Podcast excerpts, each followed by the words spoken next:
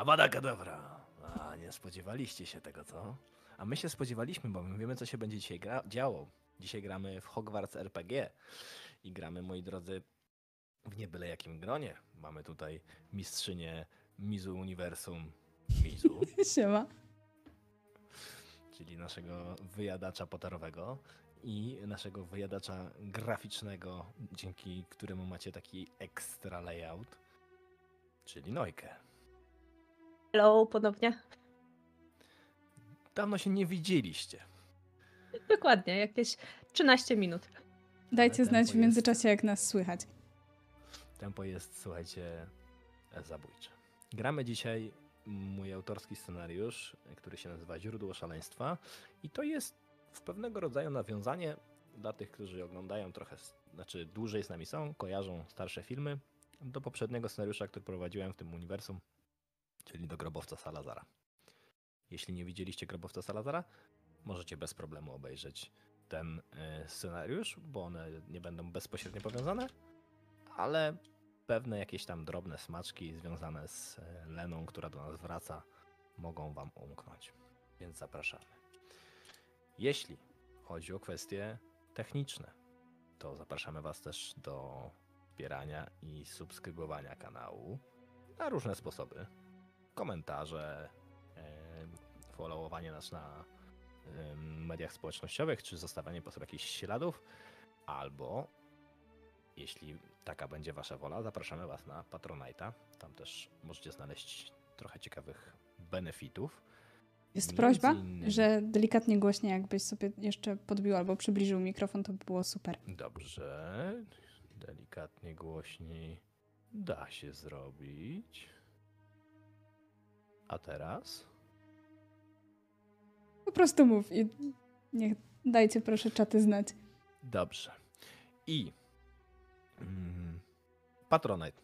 Jeśli chcecie, to zajrzyjcie. Tam patroni mają różne ciekawe benefity.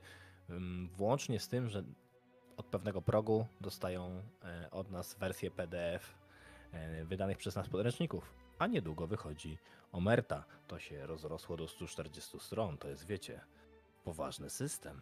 Także jest, myślę, o co się. Mm, no, bić to może duże słowo, ale rzucać na co. I teraz tak. To jest jedno ogłoszenie, a drugie ogłoszenie to Machina Futura. 25-26 marca, czyli już za niecały miesiąc, w Poznaniu w Future Labs organizujemy swój pierwszy taki, powiedziałbym, konwent z trochę prawdziwego wrażenia, no bo był Bukon, był Mikołajkon, ale to były trochę mniejsze imprezy, a tutaj faktycznie impreza jest dosyć duża i śpieszę z informacją, że zostało jakieś 35 miejsc, a liczba jest ograniczona. Więc jeśli chcecie się pojawić w Poznaniu, spotkać z nami, zbić pionę, zagrać wspólnie albo posłuchać prelekcji, czy tam różnych innych atrakcji, to się śpieszcie. Dobra. Z ogłoszeń. E, a, ważna rzecz. Jutro gramy finał Wiedźmina. Więc gdyby ktoś coś, prawda, chciał zobaczyć, jak Nowigrad płonie, to pewnie szwagier to zapewni. Gotujcie sobie kremówki i jedzcie je lewą ręką. Nie lewą ręką. Kremówki zawsze. Dobrze. Czy teraz jest słychać ok? Na razie nikt nie, nie narzeka, więc zakładam, że jest si. Dobrze. Cudownie. Yy. Czy moje drogie panie są gotowe? Always. Zatem dwa głębokie wdechy i zanurzajmy się w tą opowieść.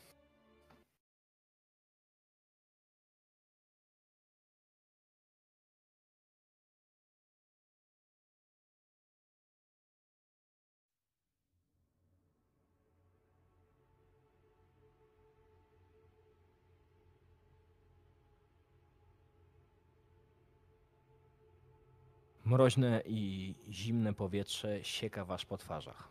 Są rozwiane włosy, pęd świszczy w uszach i macie takie wrażenie, że mimo tego, że jest dookoła was zimno, robi się coraz bardziej gorąco. Może to dlatego, że przed chwilą ktoś miotnął jakimś zaklęciem i taki blusk płomieni przeleciał tuż obok głowy Leny. Ona się tylko przycisnęła do czarnego grzbietu swojego wierzchowca i w pewnym momencie widać było, jak on zaczyna lekko lawirować, być może trafiony jakimś zaklęciem, być może zrzucony e, potężnym podmuchem, bo te zaklęcia latają wszędzie dookoła. Zielone, czerwone, niebieskie rozbłyski, drętwoty, awada kadewra i różnych innych śmiercionośnych zaklęć miotają się wam wokół głów i nagle widać jak nieduży przedmiot, yy, lekko błyszczący, fiolka chyba zdaje się, wypada z dłoni jednej z was i zaczyna lecieć prosto w dół. Akcjofiolka! Przytulacie się tylko... Słucham? Akcjofiolka! Krzyczę od razu. Akcjofiolka, jeśli w nią trafisz, to rzućmy, sprawdźmy. Dobrze. E, czy to będzie na magię? To będzie na Magic, tak. Dobrze. E, magii mam dwa. Zatem 2K6 plus 2.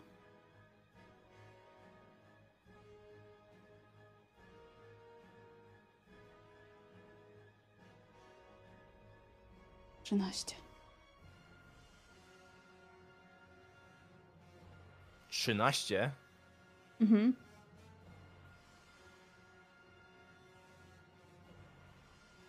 Lena, rzucasz Acjo. Fiolka wraca ci do ręki i w tym momencie przed twoją twarzą materializuje się chmura czarnego dymu i słyszysz Awada kadabra! Miotnięty... Protego. Protego, proszę bardzo.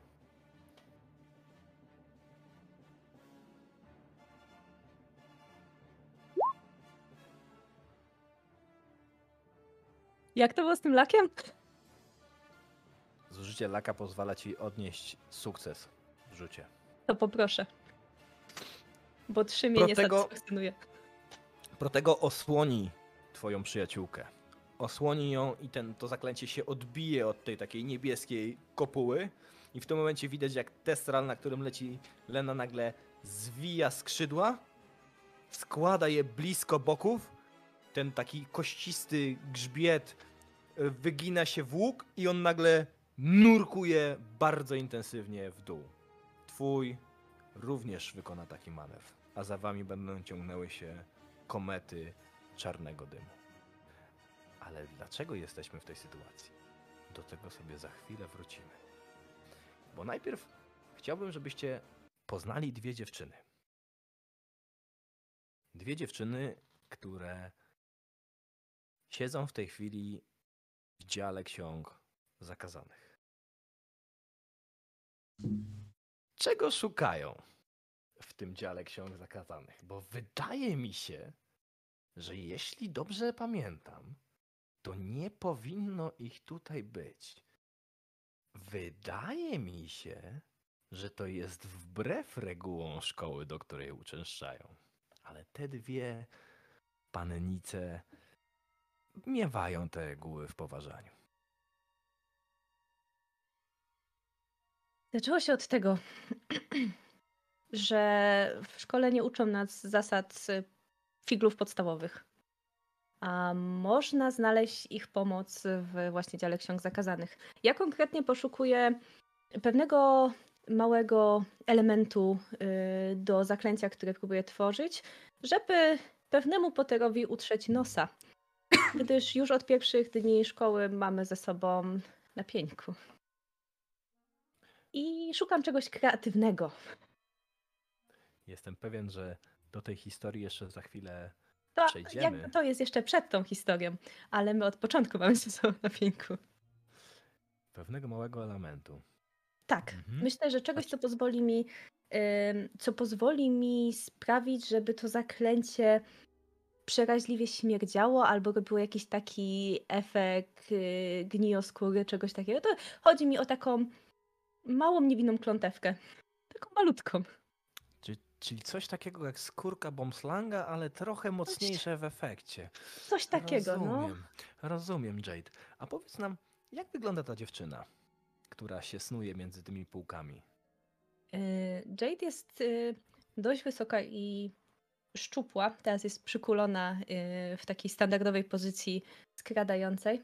E, Ma włosy w czarnym odcieniu, ale takim przechodzącym w granat. Widać, że jeżeli światło na nie padnie, no to one odbijają takim granatem.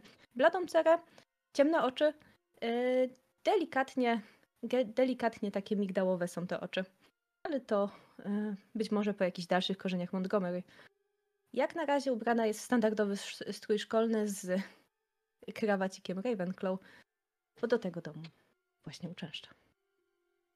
Gdzieś tam, za zamkniętą na łańcuch szczekającą księgą, za niezwykłym, yy, zasuszonym amuletem z wyjącą łapą. Nie pytajcie, jak on działa, ale lepiej go nie dotykać. Pomiędzy innymi regałami w tym samym dziale, tej samej nocy. Chociaż nie do końca skoordynowanym planem znajduje się jeszcze jedna uczennica, która również czasami z regułami szkoły magii i czarodziejstwa w Hogwarcie mija się dość mocno. Prawda, Lena? Zgadza się.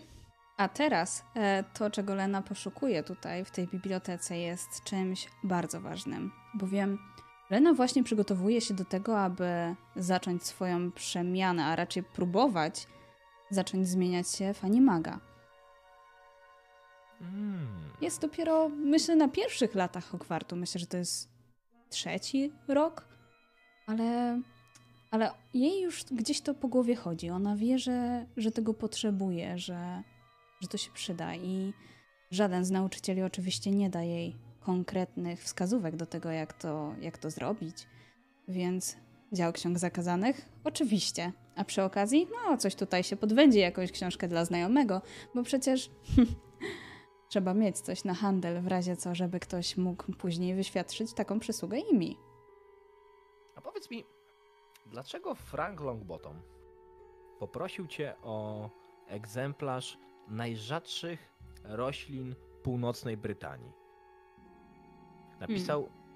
ten taki, bo to bardziej jest pewnego rodzaju atlas, mak, który nazywał się Fidelius. Bardzo dawno temu, bardzo stara książka. Z jakiegoś powodu, kompletnie ci nieznanego, trafiła do działu zakazanych. Kiedy zapytałaś w bibliotece o tę pozycję, to bibliotekarka żachnęła się dziwacznie i powiedziała, że to nie są dostępne pozycje dla uczniów trzeciego roku, młoda damo. Dla którego? Jak będę na szóstym, to już będzie? Dla żadnego? To pozycje dla nauczycieli. A to nauczyciele nie mają osobnej biblioteki? Dlaczego trzymacie to wszystko w jednej? Atlas z ziołami? Z mhm. roślinami? W dziale ksiąg zakazanych? No tutaj zapaliła się u Leny nutka ciekawości. Zdecydowanie. I jeszcze bardziej mnie ciekawi to, skąd Frank wie, że coś tam jest i e, po co mu to. Więc Frank jeżeli nawet ja to zdobędę, to od razu mu tego nie dam. Najpierw to sobie przejrzę, a później wydobędę od niego po co. Enigmatycznie o tym, że pan Longbottom e, zlecił mu kiedyś znalezienie jakiegoś rodzaju leczniczej maści na odciski. No, ekstrakt z eliksiru. Długa historia, w każdym razie Frank bardzo się przyłożył do tego i tak zajęła się, zaczęła się jego przygoda z zielarstwem i zainteresowanie tym przedmiotem.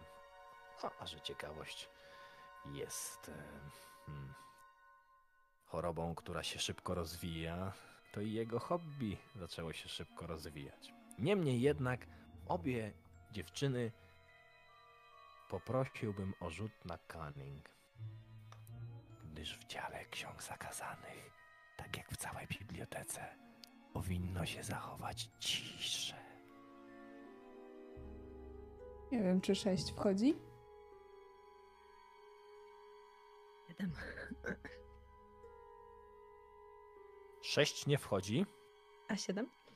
7 to sukces To ja myślę w takim razie, że jeżeli szóstka nie wchodzi, to ja jednak nie wytrzymałam z ciekawości. I dotknęłam tę rękę. Hmm. To podobno kiedyś była łapa górskiego trola, którą przekleły gobliny. I plotka wśród prefektów i starszych uczniów mówi o tym, że któregoś razu jeden z uczniów jako psikus przywiózł ją do Hogwartu i zaczarował w taki sposób, żeby latała i szczekała za woźnym filczem. Wyła tak okropnie, że jego kotka nie chciała się zbliżyć nawet na odległość dwóch pięter od niego. W końcu ktoś się zlitował, zdjął zaklęcie, była z tego gruba awantura i od tej pory podobno ta ręka gdzieś w Hogwarcie jest. A ostatnio kiedy trochę mi zaszedł za skórę. Więc e, widzę tę rękę. Kurczę, były takie plotki, ale czy to one są prawdziwe, czy to po prostu jest tak tutaj postawione? Niech będzie. Lena jako typowa gryfonka nie boi się takich rzeczy. Trzeba dotknąć. Powiedz nam jeszcze, jak wygląda Lena. Przypomnij, bo Mhm. to trochę młodsza Lena niż ją poznaliśmy. To prawda. Lena jest e, w przeciwieństwie do Jade niską osobą. Ma długie, proste, brązowe włosy i grzywkę ściętą tak na prosto. Zielone oczy i właśnie chowa się pod kapturem. Mimo, że i tak jakby ktoś tutaj wszedł, to by zobaczył, że jest jakaś postać tutaj i to dość niska, więc sugerowałoby, że to uczeń. Nosi krawat oczywiście w kolorach e, szkarłatu i, i złotego, e, jako że jest typową gryfonką. Mhm. Typowa gryfonka. Zróbmy tak. Kiedy wychodzisz, Jade, łażąc pomiędzy tymi półkami, szukając tego cholernego elementu, który ci pozwoli stworzyć to niesamowite to, to zaklęcie, w pewnym momencie wypadasz na zgarbioną, czarną postać, taką lekko dziwaczną. Ja się zatrzymuję, bo ja generalnie łażę tam z Lumos, nie? Jednak czytam te książki. To jest takie... Nox. I ten zamieram bez ruchu. w którym Lena wyciąga palce, żeby dotknąć tej ręki bardzo delikatnie i słyszysz za sobą Nox. No ja myślę, że w tym momencie po prostu ta ręka poszła dalej, nie? Kiedy Ruszyła się mocniej. ręki, ona zamienia się w usta, ale to nie jest transmutacja. Nie, nie, nie. Ona składa się tak, jakby była ustami i zaczyna wyć. Kocury! Pieprzone kocury! Wszędzie widzę kocury! Cholerne kocury! I zaczyna wrzeszczeć na całą bibliotekę. Jest tak okropny jazgot, że obrazy budzą się do góry i słyszycie takie ale co tu się wyprawia o tej porze? Proszę, ucieka. Proszę się nie denerwować. Kocury! Cholerne kocury! Ja biorę te księgi, które znalazłam. Jeżeli nie znalazłam, to biorę w ogóle jakąś pierwszą, lepszą z regału i ją wyciągam pod pachę i uciekam.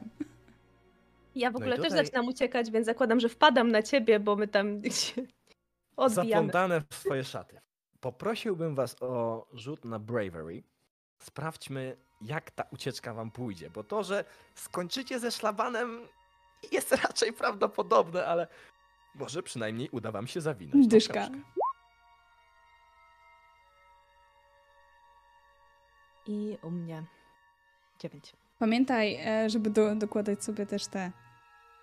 Mam zero. zero. Zero? Znaczy mam dziewięć w wyniku. Zero od walki. Okej.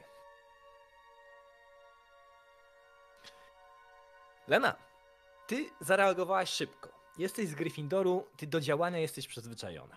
Więc mimo tego, że to zaczęło wrzeszczeć, to, to, cię, to cię jakoś specjalnie nie wystraszyło. Też zobaczyłaś, że ktokolwiek był za tobą, to nie jest jeszcze nauczyciel, nie jest jeszcze tak źle, to się da się stąd zwiać.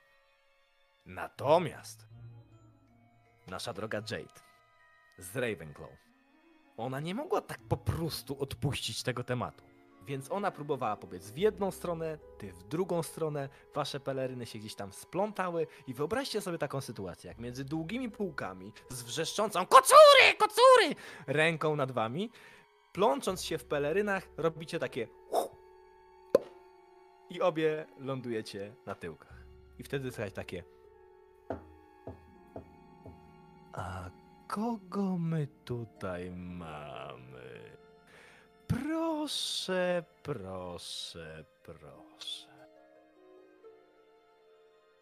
Profesor McGonagall. Widzicie tylko jak cień zmienia się w świetle lampy z kociego na ludzki?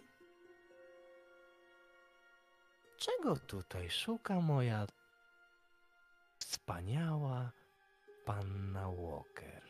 Panno Walker, czy my już nie rozmawiałyśmy a propos o tym przy okazji ostatniego szlabanu?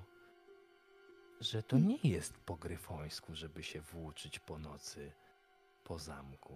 No My właśnie, ja to sobie przemyślałam, pani profesor, i chciałam napisać jeszcze lepsze wypracowanie na, na transmutację, ale że nasze podręczniki niestety dają nam jedynie podstawową wiedzę w tym zakresie, to pomyślałam, że może jednak warto byłoby ją nieco rozszerzyć. Rozszerzyć wiedzę, panno Walker. Rozumiem. Przyjęłam. Oczywiście. Widzisz, jak usta Minerwy McGonagall zamieniają się w taką cienką kreskę i ona spogląda się w stronę Jade. A cóż tutaj robi nasza droga krukonka? No właśnie, ja ją namówiłam, żeby mi pomagała znaleźć. Przy- Panno Walker? Y, Wiedzy. Y, Wie, wiedzy szukamy. Wiedzy. Wiedzy. Ach, no tak. Pilne uczennice. Jedna i druga szukają wiedzy. Ach. Czy będzie dla Was wielkim zaskoczeniem, moje drogie panie, jeśli spotkamy się u mnie jutro po południu w moim gabinecie na kolejnym szlabanie, panno Walker?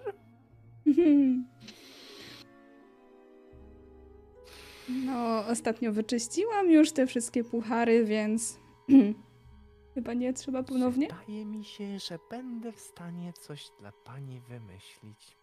Hm. Z panią również. Tak jest, profesor.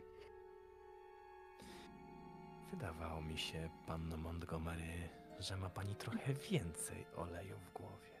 Naprawdę. I teraz zróbmy sobie szybkie cięcie.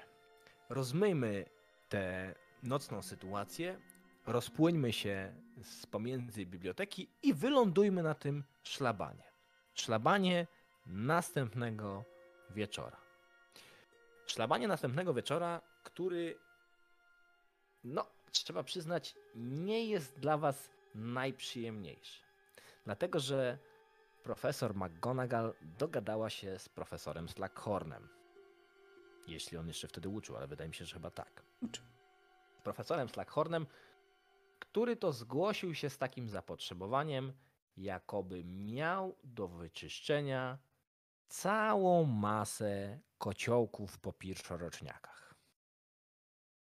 No i trzeba przyznać, że ważenie eliksirów to nie jest najbardziej prominentna umiejętność, jaką posiadają pierwszoroczni.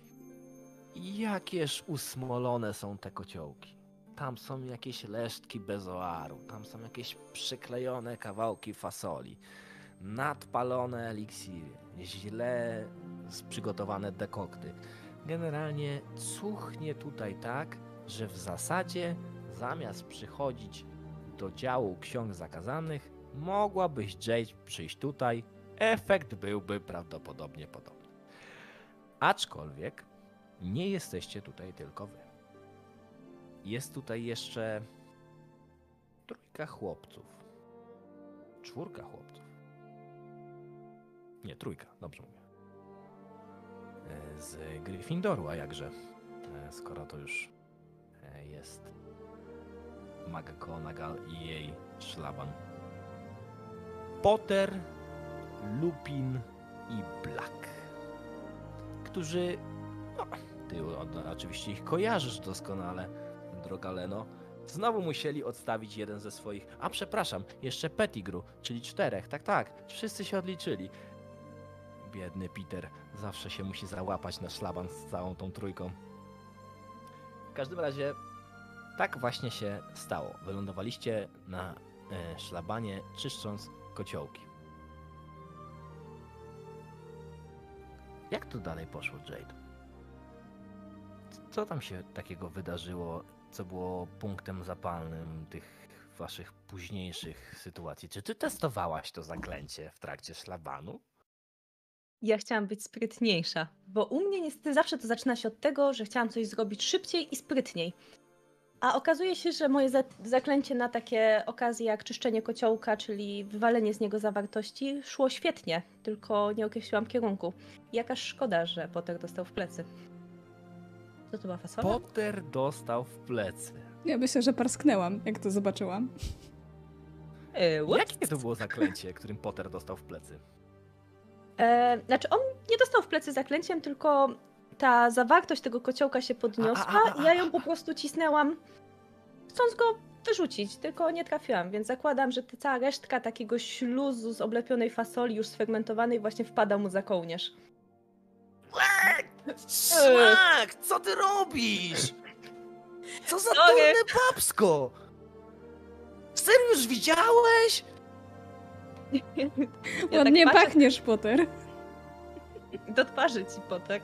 I Syriusz uśmiecha się w jego stronę, szczerzy się do was i mówi Potter, cuchniesz.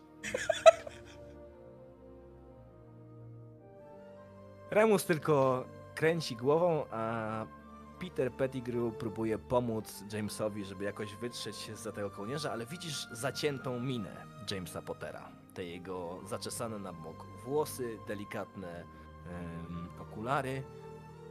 I nie trzeba było długo czekać, aż coś pójdzie nie tak. Trudno powiedzieć, czy to za wami chodzą nieszczęścia, czy to za tą czwórką chodzą nieszczęścia, czy w połączeniu tych mocy powstał kapitan problem. Prawdopodobnie, bo to, co się wydarzyło w sali eliksirów, skończyło się prawie tragedią.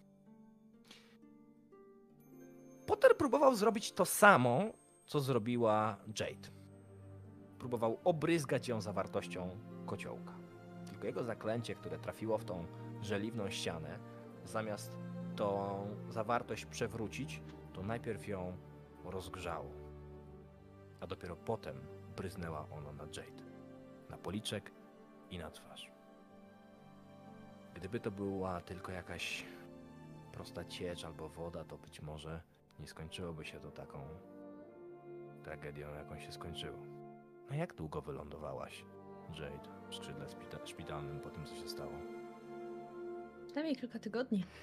Wydaje mi się, że były trzy, bo nie wiem, co to była za mieszanka, albo co zrobili pierwsi rozpniacy w połączeniu z tym zaklęciem, ale to się w ogóle nie chciało goić i wdarło się jakieś zakażenie. Strasznie dużo dziwnych, dziwnych rzeczy tam szło, żeby to, to załatać. Jakieś maści, jakieś rośliny, wywary, odciąganie, znowu leczenie. To, to, był jakaś, to była jakaś tragedia, taki niekończący się problem. Yy, No i w końcu, w końcu doszło do tego, że dostałam informację, że tego się nie da zdjąć z mojej twarzy. W sensie, że to już tak zostanie. Nie, że eliksir, tylko że te blizny, które po tym eliksirze zostały. No, prób było wiele. Wiesz, że nawet zebrało się konsylium nauczycielskie, żeby spróbować jakoś to usunąć. Podobno nawet konsultowano się ze szpitalem świętego Munga, ale. Ale się nie udało. Był taki moment, w którym Lena, ty już któryś raz odwiedzałaś Jade. Ta sytuacja w dziale ksiąg zakazanych, potem to. Przecież jeszcze macie jedną wspólną historyjkę, ale to może już za chwilę. To był taki moment, w którym któryś raz już byłaś w skrzydle szpitalnym i zobaczyłeś, jak nagle otwierają się te duże drzwi. Rzędy łóżek były prawie puste. Na szczęście nie było zbyt wielu uczniów, którzy wymagali jakiejś intensywnej opieki. I do środka wszedł jeden chłopak. Za nim jeszcze widać było trzy sylwetki, które go tak lekko popychają. Ze zwieszoną głową, w czarnej szacie i w szkarłotno-złotym krawacie, powłócząc nogami, idzie w twoją stronę Jade, James Potter.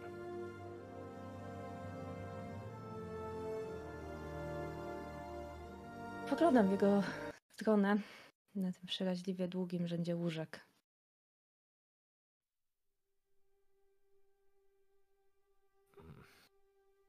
No głupio wyszło, Montgomery. Nie chciałem. Przepraszam. To były tylko zgrywy, nie? Wiem. Jak- Uśmiecha się. Tak, jak chcesz, nigdy to- się tak nie To wynudziłam. też możesz mi taką zrobić. Chciałbyś. Tylko na drugim profilu, bo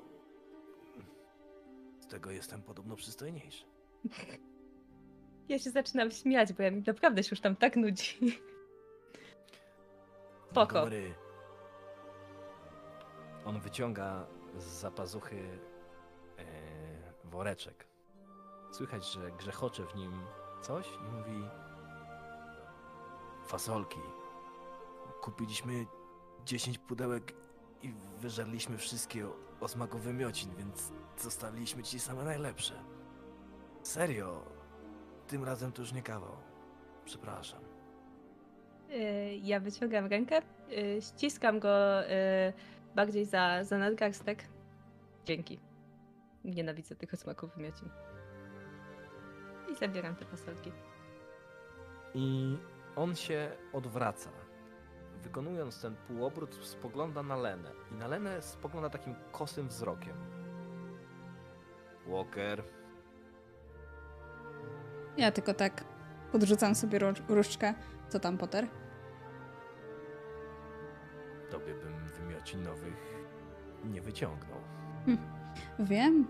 A ja bym je przerobiła na jakąś ciecz i dolała ci do pucharu. Dobrze wiesz o tym. Potter uśmiecha się w taki sposób, jakby zjadł cytrynę. To. To jeszcze raz. Przepraszam i do zobaczenia.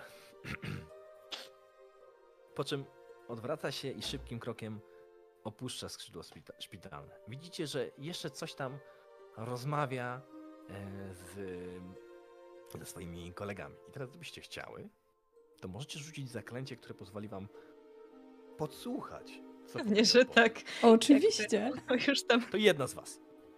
Jedna z was. Która rzuca zaklęcie? ze stania łatwiej łuk. Rzucasz? Możesz rzucać. Już ładniejsze rzucać. Zaraz zobaczymy. No i ile wyszło? Dziewięć? No to są okay.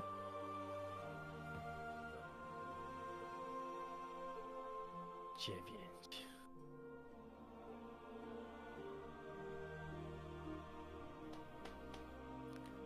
Słyszysz, jak Syriusz pyta się Pottera. Naprawdę zostawiłeś to o smaku smarków? No jasne, że tak. Przecież Walker też je będzie jadła.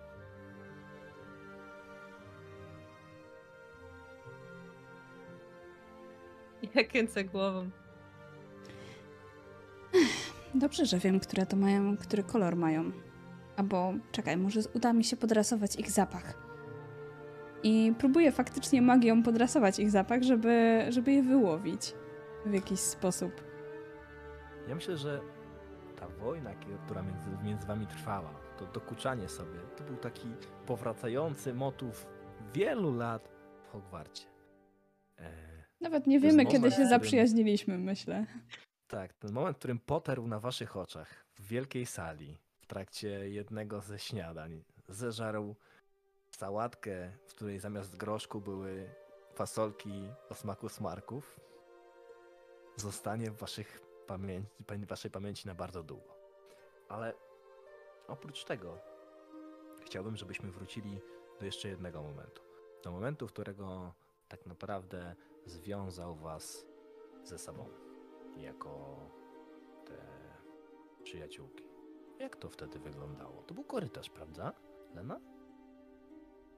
Ja myślę, że tak, że to był korytarz, ale być może taki trochę mniej uczęszczany. Gdzieś, myślę, niedaleko klatki schodowej dzwonnicy. Faktycznie tam mało kto chodzi. I Niestety. Niestety mało kto może wtedy zareagować na to, co się dzieje, jeżeli nauczyciele nie patrzą albo inni uczniowie. To chyba był ten słynny korytarz na trzecim piętrze. To jest jakiś pechowy korytarz, który co roku musi z jakiegoś powodu być wyłączony z użytku. Tym razem podobno trzymają tam połówkę hipogryfa. Tylko trwają zakłady i jest już podobno kilkanaście galeonów w puli. Którą połówkę hipogryfa umieścili w korytarzu na trzecim piętrze? Nikt się tego jeszcze nie dowiedział. Ale podpuszczona przez dwie dosyć złośliwe ślizgonki Lena postanowiła się tam wybrać. One nie wierzyły, że ty tam pójdziesz, ale czekały na ciebie. Ja myślę, że ja wiedziałam, że one w to nie wierzą, więc ja tym bardziej tam poszłam, żeby im udowodnić. Tak, tylko one stwierdziły, że szkoda byłoby przegrać zakład. Więc kiedy wlazłaś już na korytarz na trzecim piętrze, to usłyszałaś za sobą Leviosa! I nagle poczułaś, jak twoja peleryna zerwała się od ziemi, a ty zaczynasz podnosić się w powietrze i okręcać głową do góry. Ślizgoński, bezczelny czar prosto w plecy. Myślę, że w pierwszym momencie pisknęłam, zdziwiona, i szukam swojej różdżki z kieszeni, ale wyobrażam sobie, że ona akurat wypadła mi z tej kieszeni, kiedy, kiedy moja szata wywinęła się do góry nogami. Kto tu jest? Pokaż się! Wydawało ci się, Walker, że możesz sobie tak się z nas naigrywać? No to się pomyliłaś, moja droga Nic ci do tego. gryfonko. Puść mnie. Tak łatwo pogrywasz? Wiesz, że jak tylko bym miała różdżkę w swojej ręce, to nie miałabyś szans. Ale nie masz. Acjo! Różdżka ląduje w chudej, bladej dłoni Mafaldy Kirk, ślizgonki o rok starszej od ciebie, z którą nie poznałaś się w trakcie żadnych zajęć. Nie, nie, nie. Gdzieś może na treningach Quidditcha albo na innych, w trakcie innych zajęć, gdzie uczniowie nieco są mieszani, jeśli chodzi o to, jakie lata mają ze sobą styczność. Mafalda Kirk i jej koleżanka Penelopa Slow.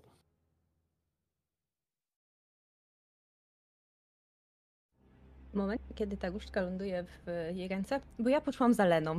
W sensie ja usłyszałam, nie wiem, może nawet od, od Franka albo od Alice, że ona poszła coś sprawdzić było takie, o nie.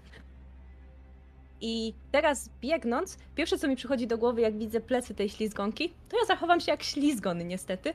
I ja rzucam w jej plecy jedną z nowszych klątw, również e, ona nie jest, e, jest nieszkodliwa, ale moje łajnowłosy, które sprawiają, że od razu na jej twarz zachodzi jak taki, jakby została obryzgrana takim śluzem i te włosy, które zaczynają cuchnąć, tak zbijać i przylepiać do wszystkiego, dodatkowo się tak przedłużają. Wygląda teraz trochę jak Samara z, z ringu, przy czym nic nie widzi. I śmierdzi niesamowicie. Pod nią zaczyna się rozlewać takie łajno. Poproszę cię o rzut. Zobaczymy. Mm, Musi udać.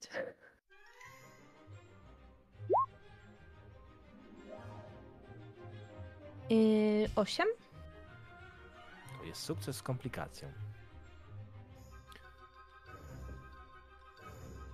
Myślę, że trafienie w Mafaldę zaklęciem łajnowłosów, gdzie ona jest taką dosyć mimozowatą, szczupłą dziewczyną o czarnych włosach i nieco końskiej, pociągłej twarzy, sprawia, że te włosy, które zakrywają jej twarz i cuchną w jej czysto krwistym, arystokratycznym nosie, czują, robią absolutne spustoszenie. Więc ona wyrzuca tą różdżkę w takim okrzyku obrzydzenia i próbuje odsunąć te włosy z twarzy, tylko rozpaćkując to wszystko po rękach i po własnych oczach. Ale Penelopa odwraca się w twoją stronę. Expelliarmus! I tutaj myślę, że to będzie znowu Magic. I jak ona rzuca to Expelliarmus, to rzuca to, a w tle słychać taki donośny śmiech Leny.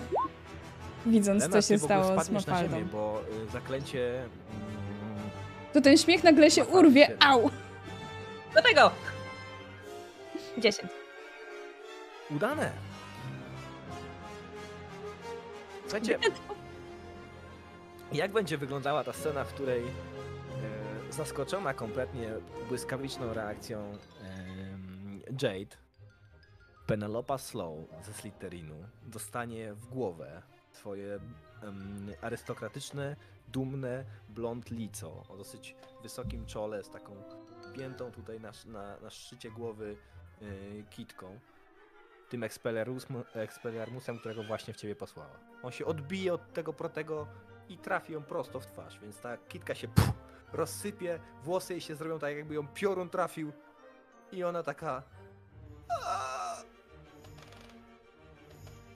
Po prostu wyłoży się jak długa na korytarz. Ślizgonki zneutralizowane, ale wy słyszycie tylko takie...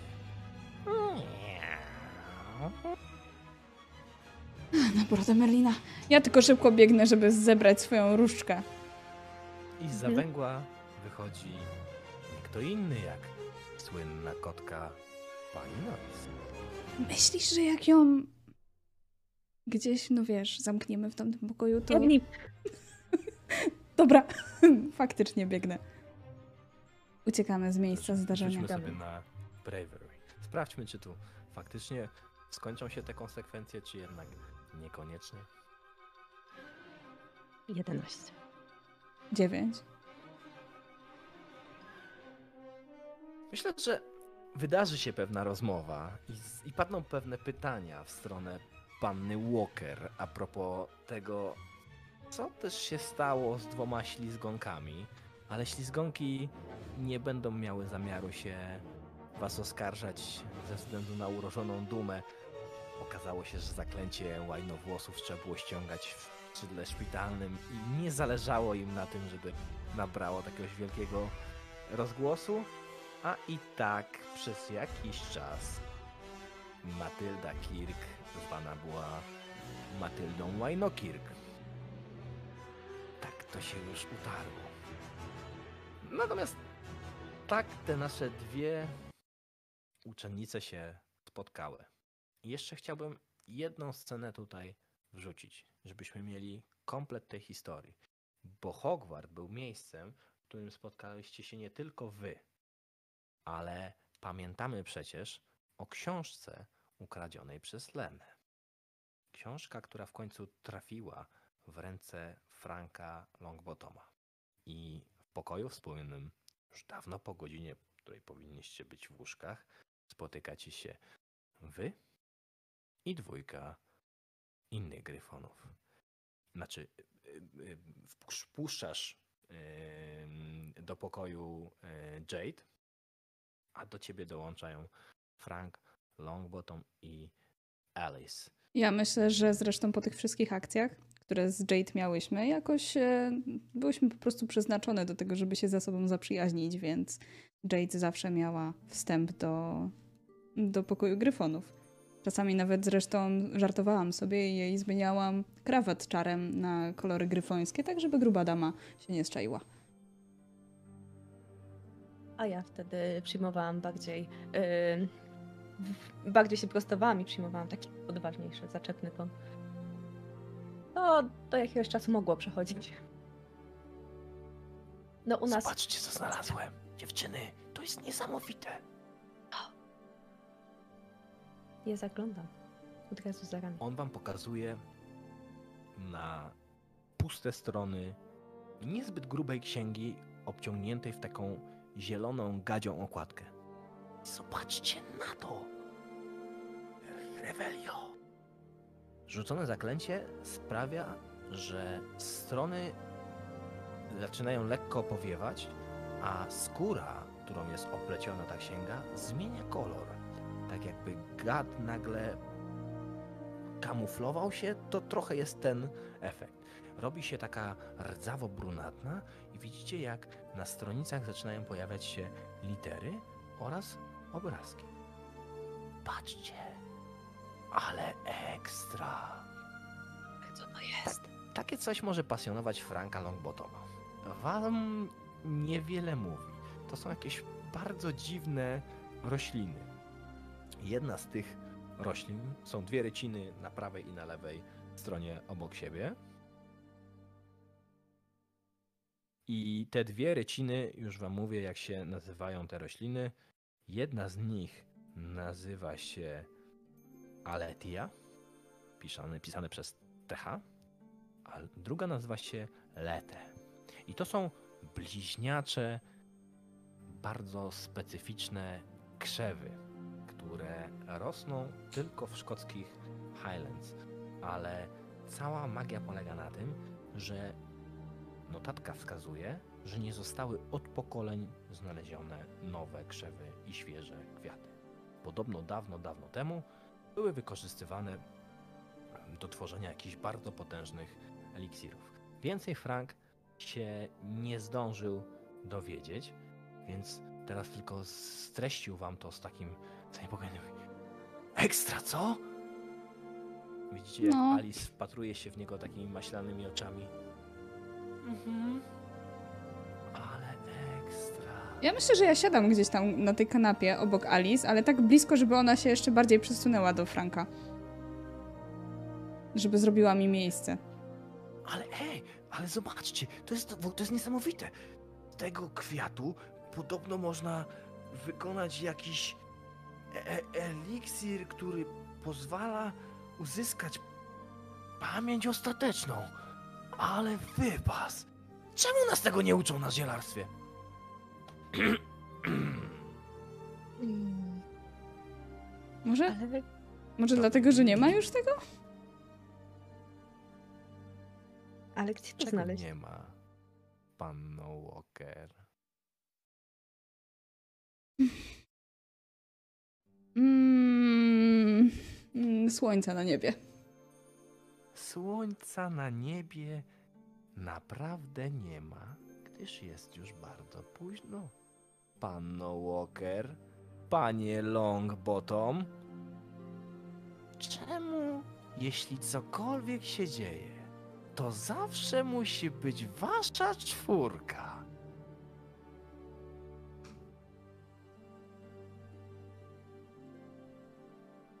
Twarde cięcie. Bo to było lata temu. Teraz.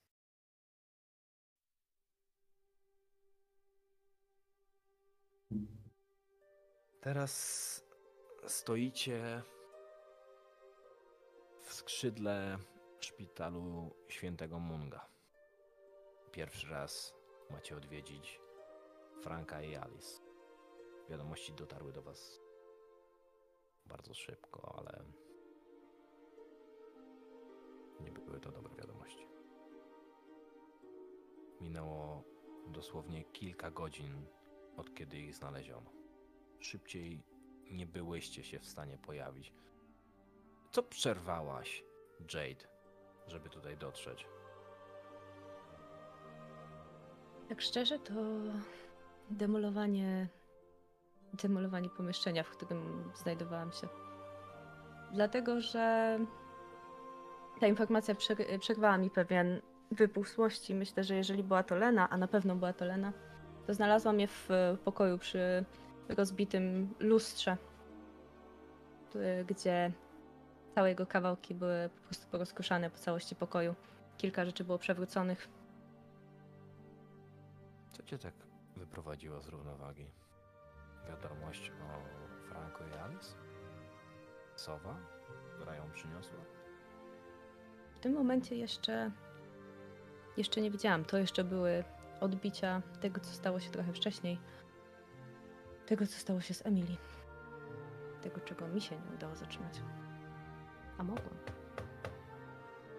Stukanie okno, rudawa łomykówka liścikiem przywiązanym do nóżki. I kolejne złe wieści Jade. Puszczam ją. Często z tymi się rękami otwieram ten, ten liścik. Frank i Alice są w Mungu, nie wiadomo co się z nimi stało. Śmierciożercy. Kto może, niech pojawi się jak najszybciej. Moody. Y, miażdżę ten liścik w rękach instynktownie i robi mi się słabo. Opieram się o mm, parapet, bo, bo otworzyłam ten liścik zaraz przy oknie. Czuję się, jakbym traciła grunt pod nogami, traciła oddech, bo to są kolejne osoby i boję się, co zobaczę w Mungu. Ale teraz już nie mam czasu zwlekać, więc po prostu odpycham się i ruszam.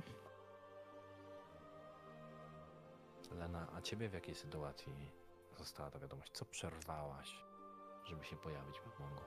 Ja myślę, że Moody, który jest moim przełożonym, wysłał mnie do dworu Malfojów żebym zobaczyła, czy aby na pewno tam czegoś nie ma. I już miałam patrzeć.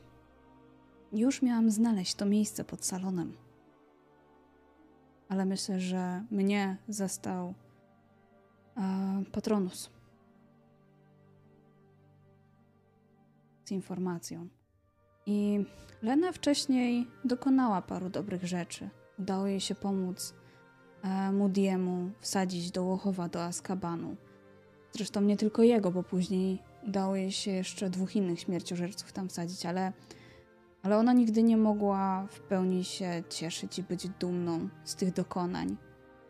Bo tej samej nocy, którą, w której udało im się schwytać do Łochowa, po pierwsze zginęła trójka gryfonów. Zginęła Lily Potter, zginął James Potter Zginął też Peter Pettigrew. A do więzienia trafił Sirius Black, któremu tak ufała. Zresztą chwilę wcześniej dowiedziała się też o śmierci Gideona i Fabiana Prywetów, również z Gryffindoru. Więc wiadomość o kolejnych Gryfonach, jej przyjaciołach, to już jest za dużo. Nie wiem, czego pani tutaj szuka, panno Walker, ale może być pani pewna, że pani tutaj tego nie znajdzie. Pewnie to sprawka Bleka, tak jak wszystkie te poprzednie okropieństwa. Hmm. Cóż, Malfoy ewidentnie jest zniecierpliwiony twoją obecnością. Widzisz, jak opiera się o framugę szerokiego przejścia, które łączy hall z salonem i gładzi twoje śnieżno-białe loki, takie Owszem. połyskujące delikatnie. Ale z tego co rozumiem, to Black. I jest nie poniekąd rodziną pana żony, prawda? Jest to ona spowinowacona. To przecież chyba powód, by dręczyć czarodziejów czystej krwi i niesplamionej reputacji. Nie to co niektórzy, prawda, panno Walker? Ja robię w jego kierunku kilka ostrych kroków, ale opanowuję się. A, a, a. Proszę się nie zapominać. Jesteśmy w moim domu. A pani podobno jest tutaj służbowo i korzysta pani z mojej gościny, panno Walker. Zerkam tak w takim razie na mały stoliczek stojący koło pięknych foteli obitych zielonkawą skórą. Herbatę z cukrem w takim razie poproszę. Panie Malfoy. Skrzat pojawia się natychmiast. Panie! Herbaty z cukrem dla panny Walker. I w tym momencie pojawia się patronus. Frank i Alice. W Mungu. Przybądź szybko. Herbata nie będzie konieczna, dziękuję. Wybiegam. Oj, cóż za niefortunny przypadek. Pewnie znowu znaleziono jakieś ofiary Bleka.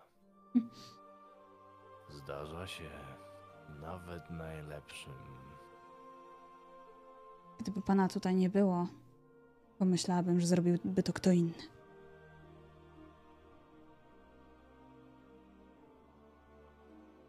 Odejdź. i łapie za filiżankę, którą skrzat zmaterializował przed chwilą wraz ze swoim pojawieniem się. Odwracam się napięcie i wychodzę. Kiedy już będę e, poza domem, nie wiem zresztą, czy można się na jego e, posesję aportować, ale, ale na pewno. Ale na pewno zaraz to zrobię, jak będzie, jak będzie to możliwe. Do Munga. To jest łamiący serce widok. Frank i Alice leżą obok siebie. Ich dłonie zostały przez kogoś splecione, bo oni sami nie za wiele rozumieją i nie za wiele kontrolują. Ktoś złączył ich ręce w takim uścisku pomiędzy łóżkami i z racji tego, że jest tam dość ciasno, jest niewiele miejsca, przez cały czas jest tam matka Franka, Augusta, jego ojciec i malutkie dziecko, które się Longbottom urodziło, to wchodzicie parami. I teraz wasza kolej. Kiedy wchodzicie do tego białego pokoju, macie takie wrażenie, że Frank rzuca spojrzeniem w waszą stronę. I to jest puste, kompletnie nic nie przedstawiające spojrzenie. Frank? Jakby Podbiegam do, do łóżka, chwytam się tej barierki przy jego nogach, nachylam się. Frank, to ja, Lena. Daj spokój, dziecko. On i tak cię nie rozumie. Jak to nie rozumie? Augusta Longbottom cichutko łka, trzymając dziecko. Pan Longbottom ze zwieszoną głową Porozmawiajcie z lekarzem na korytarzu. Nie każcie nam tego słuchać jeszcze raz. Proszę. Augusta, e, e, znaczy Augusta trzyma to dziecko i nagle widzicie jak Alice się zrywa z łóżka.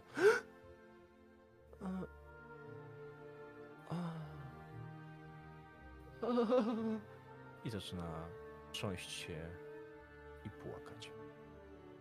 Zwija się w kłębek na tym łóżku, rozrywa się ta więź i tak jakby rezonując ze swoją żoną, Frank Longbottom też zaczyna łukać. Zupełnie nie wiadomo dlaczego. To jest taki pusty płacz, otwarte oczy, uchylone usta.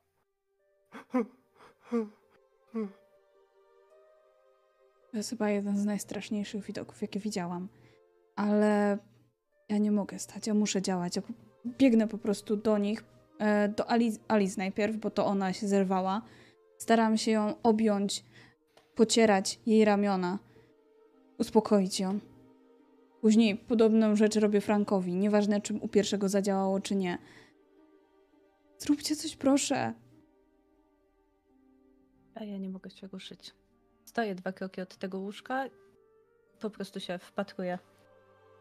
Takim, jakby mnie wszczepiono do tej podłogi.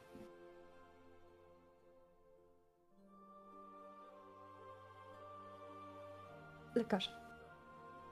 Odwracam się i po prostu zawołam lekarza.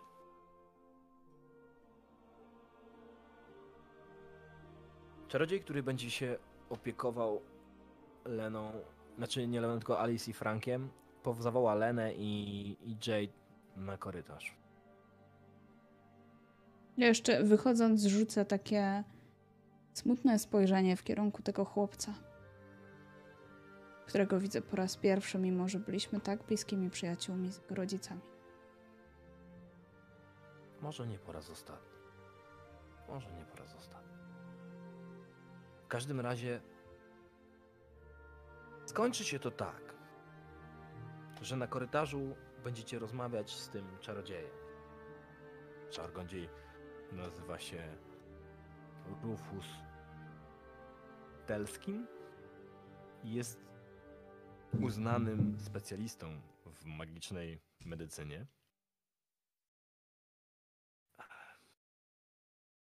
Drogie panie, co on wie w zasadzie informacje, które chciałbym wam przekazać, czego nie mogłem zrobić, bo rozumiem, że panie należą do. Proszę powiedzieć, kto.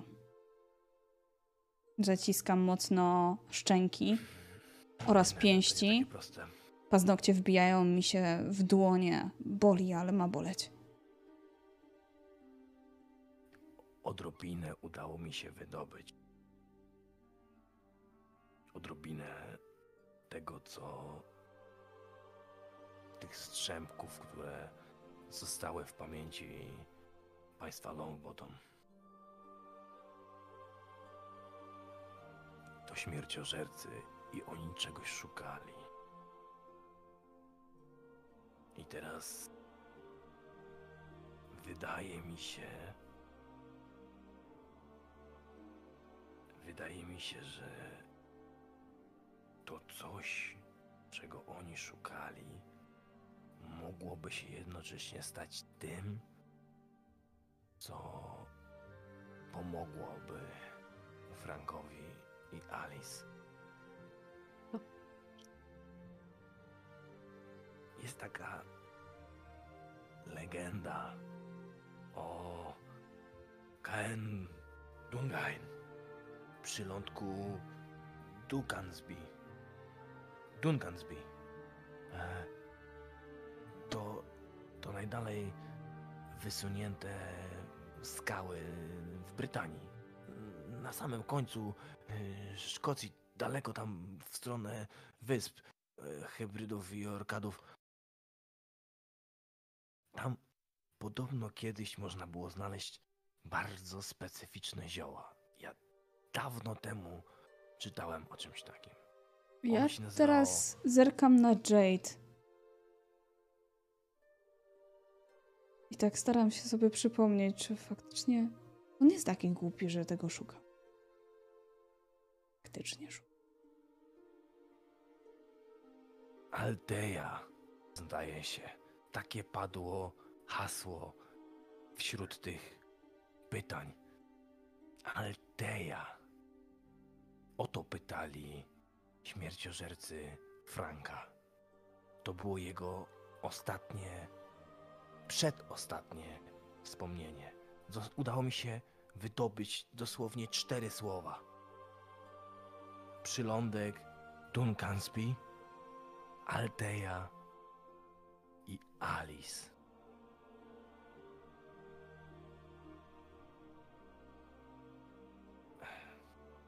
To, co udało mi One się pomogą. odzyskać od. od.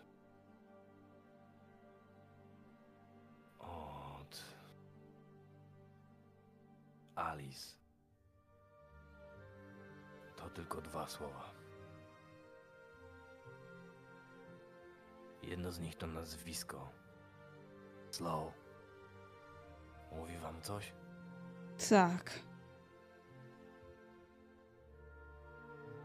ale nie wiem do końca o co mogło chodzić.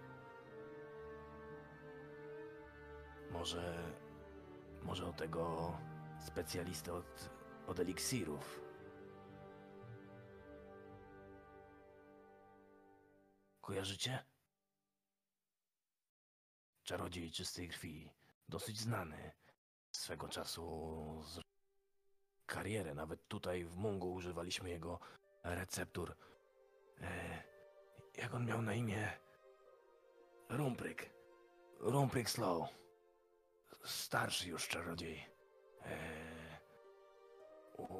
usuwał smoczą gorączkę przy pomocy swoich eliksirów. To, to, to naprawdę uznany fachowiec.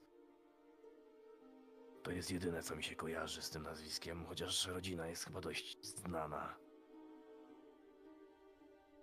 No to to jest to bardziej przydatne słowo, bo drugie to było. Neville. Nic więcej. Mogłem tylko uśmierzyć ich ból. Jak mówi to drugie słowo Neville, to opieram się po prostu o ścianę, starając się uspokoić oddech. Ale po chwili odrywam się od tej ściany i zaczynam chodzić kilka kroków w prawo, kilka kroków w lewo. Może pan powtórzyć to, to słowo, to od Franka? Aldeja. Gdzieś to chyba Valeria. słyszałam. Chyba jakoś tak, nie jestem pewien. Ale. Ale może. Może to właśnie. Z tym człowiekiem powinniście się skonsultować. To. To brzmiało jak taki strzępek informacji, który utkwił gdzieś w ich głowach z ostatnich rozmów, z ostatnich chwil. Ktokolwiek i cokolwiek chciał wyciągnąć z nich, zdaje się, że to właśnie te informacje. I ten od eliksirów? Imię jak miał? Rumpryk. Umpryk. Rumpryk Slow. Znaczy, było tylko nazwisko, ale ja innego Slow nie znam. Hm. A to mogłoby się jakoś ze sobą łączyć. Nie jestem pewien. To. To było bardzo skomplikowane, długotrwałe zaklęcia, a efekty mizerne. Nie wiem. Nie wiem, jak długo oni byli poddawani To krucjatus, tak? jeszcze kogoś, kto byłby w takim stanie. Ona nawet nie poznaje tego małego dziecka. Nikogo, nic. Tylko jakieś przemki świadomości. To, to nawet obliwate, czy jakieś potężniejsze zaklęcia usuwające pamięć. Nie, nie wiem. Naprawdę nie wiem. Mówi pan, że można, można ich wrócić, tak? Za pomocą tego. To. To tylko taka stara legenda. Tak, pamiętam, że Frank, Frank się interesował trochę tym i coś kiedyś mówił o tym, ale średnio go słuchałam. księgę? Znaczy księgę pamiętam, a pamiętam, że miała świetną okładkę ze skóry, chyba, chyba zresztą nawet smoka e, walijskiego, zielonego. Tak, tak, i ona miała to. Strony które się pojawiały. Okładka ze skóry zielonego walijskiego smoka. Nie wiem, zielone było. Wtedy tak No sobie to wyobrażałam. Pewnie, to pewnie atlas e, zielny Fidelusa. Tak, Tak. No to, to dosyć rzadka, ale spotykana czasami pozycja.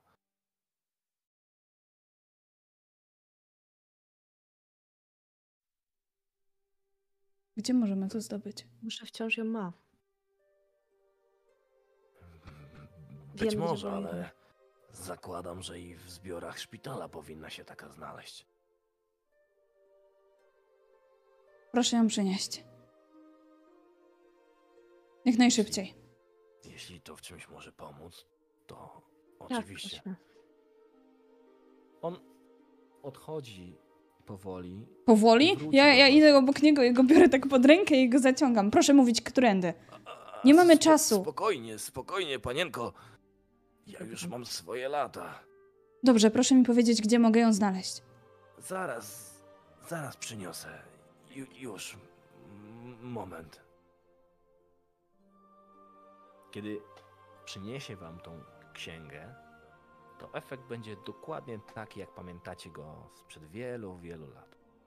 Kiedy złapie się jej okładkę, ona z zielonej zrobi się rdzawo-brązowa i wyszeptanie sprawi, że odkryją się litery i ryciny. I faktycznie na jednej ze stron, po prawej i po lewej, są dwa bliźniacze krzewy. Lete i Alteja. Tylko tak jak wtedy, tak teraz istnieje tam zapisek, który mówi o tym, że od lat żaden żywy krzew nie został znaleziony. Znajduje się tam również wskazanie, do czego można wykorzystać te rośliny. Lete jest nazywane zielem zapomnienia. Podobno jego wywar z niego stworzony ma silniejszą moc niż zaklęcie odbierające pamięć. Potrafi całkowicie wyczyścić to, co znajduje się w ludzkim umyśle. A Altea zdaje się mieć przeciwne właściwości. Tak jakby odkrywające prawdę. Natomiast notatka jest dosyć krótka i poprzedza ją referencja do bardzo skomplikowanego eliksiru. Po trzech pierwszych wersach już nie do końca wiedziałyście, co by trzeba było dalej zrobić. Mhm. Ja myślę, że wyciągam jakiś pusty, pusty skrawek pergaminu, który mam w kieszeni i A- robię zaklęcie kopiujące, które mi przenosi. Nie, proszę. Jeśli tylko ją później zwrócicie, to Tak, bez problemu. Y, Nie, nie, wystarczy mi tylko tak naprawdę, jak ta roślina wygląda.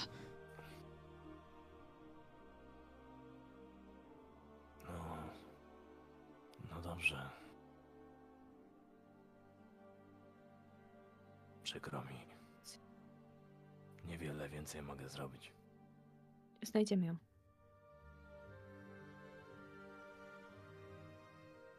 O tak, znajdziemy ją. Ale ja tutaj mam na myśli kogoś zupełnie innego niż roślinę. Bo mam na myśli pewną Penelopę.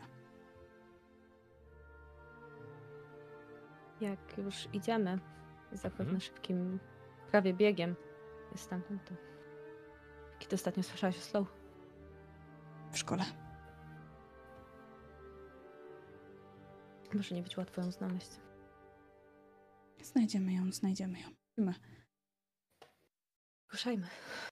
Jeżeli tego szukają, to możemy spotkać ich na miejscu.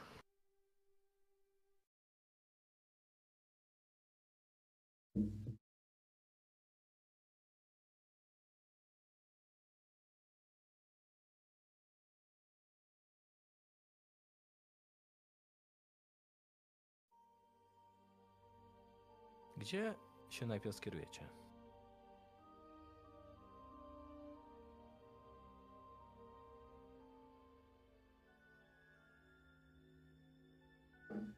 Najpierw chyba... Czy my kiedyś słyszałyśmy, g- gdzie ci Slow mniej więcej mieszkają? Myślę, że dla Aurora namierzenie takiej informacji nie stanowi żadnego problemu. Mhm. To się bez, spodziewam się, że spotkamy ją w domu. bezpośrednio do jej domu.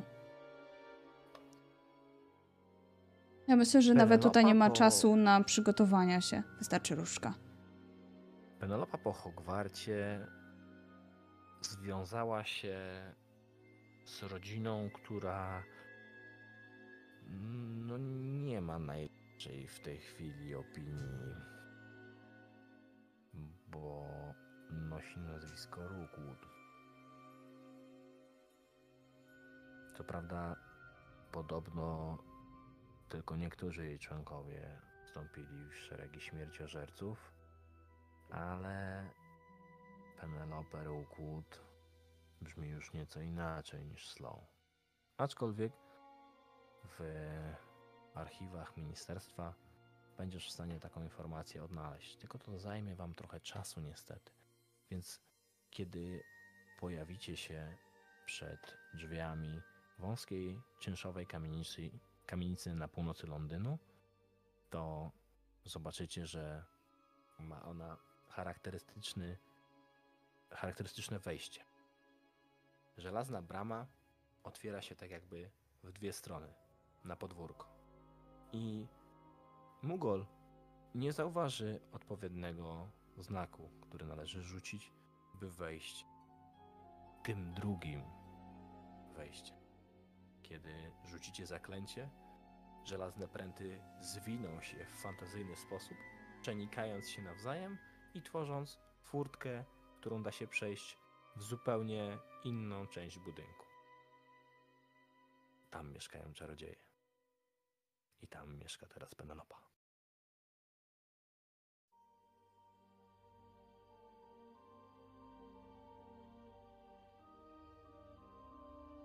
Nacieramy na miejsce. Drzwi z ciemnego drewna są zamknięte i za nimi panuje głucha cisza. Widzicie, że na, na tym uchwycie, którym się stuka, znajduje się dłoń. Taka rozczapieżona, pięciopalczasta dłoń, którą należy tuknąć w drzwi. Ja odwracam się w stronę Jade i przykładam palec do ust. Jade wie, że od tej pory będziemy używać magii niewerbalnej. Mhm. Chcesz otworzyć te drzwi zaklęciem, czy po prostu? Czy możesz zapukać? Oczywiście, że zaklęciem ja nie chcę, żeby ktokolwiek wiedział, kto tutaj jest. Bo myślę, że ci, którzy dokonali tej zbrodni, spodziewają się, że ktoś niedługo zapuka. A że jestem w gorącej wodzie kąpana, to ja już mam teraz prostą myśl, że, że to pewnie od nich gdzieś to wyszło. W momencie, kiedy tylko drzwi się otworzą, to ja stoję za zalaną, y, zalaną tak, żeby po prostu w razie wypadku bronić lub atakować. Jak tylko drzwi się otworzą. Trochę pewnie to zajmie, bo muszę rozpracować, jakim zaklęciem moż, można to otworzyć, bo e, często rody czarodziejskie, zwłaszcza te czystej krwi, mają jakieś, używają takiej starożytnej magii i różnych takich swoich własnych sposobów do zabezpieczenia różnych miejsc. I nie jestem przekonana, czy z Rukudami już miałam do czynienia wcześniej, czy coś podobnego było. Dlatego, jeżeli pozwolisz, Frycu, to chętnie rzucę sobie na magię tutaj, czy mi się to uda w ten sposób zrobić. Myślę, że na cunning Dobra. bardziej. Może być i na Żeby cunning. to po cichu i sprawnie. Mhm.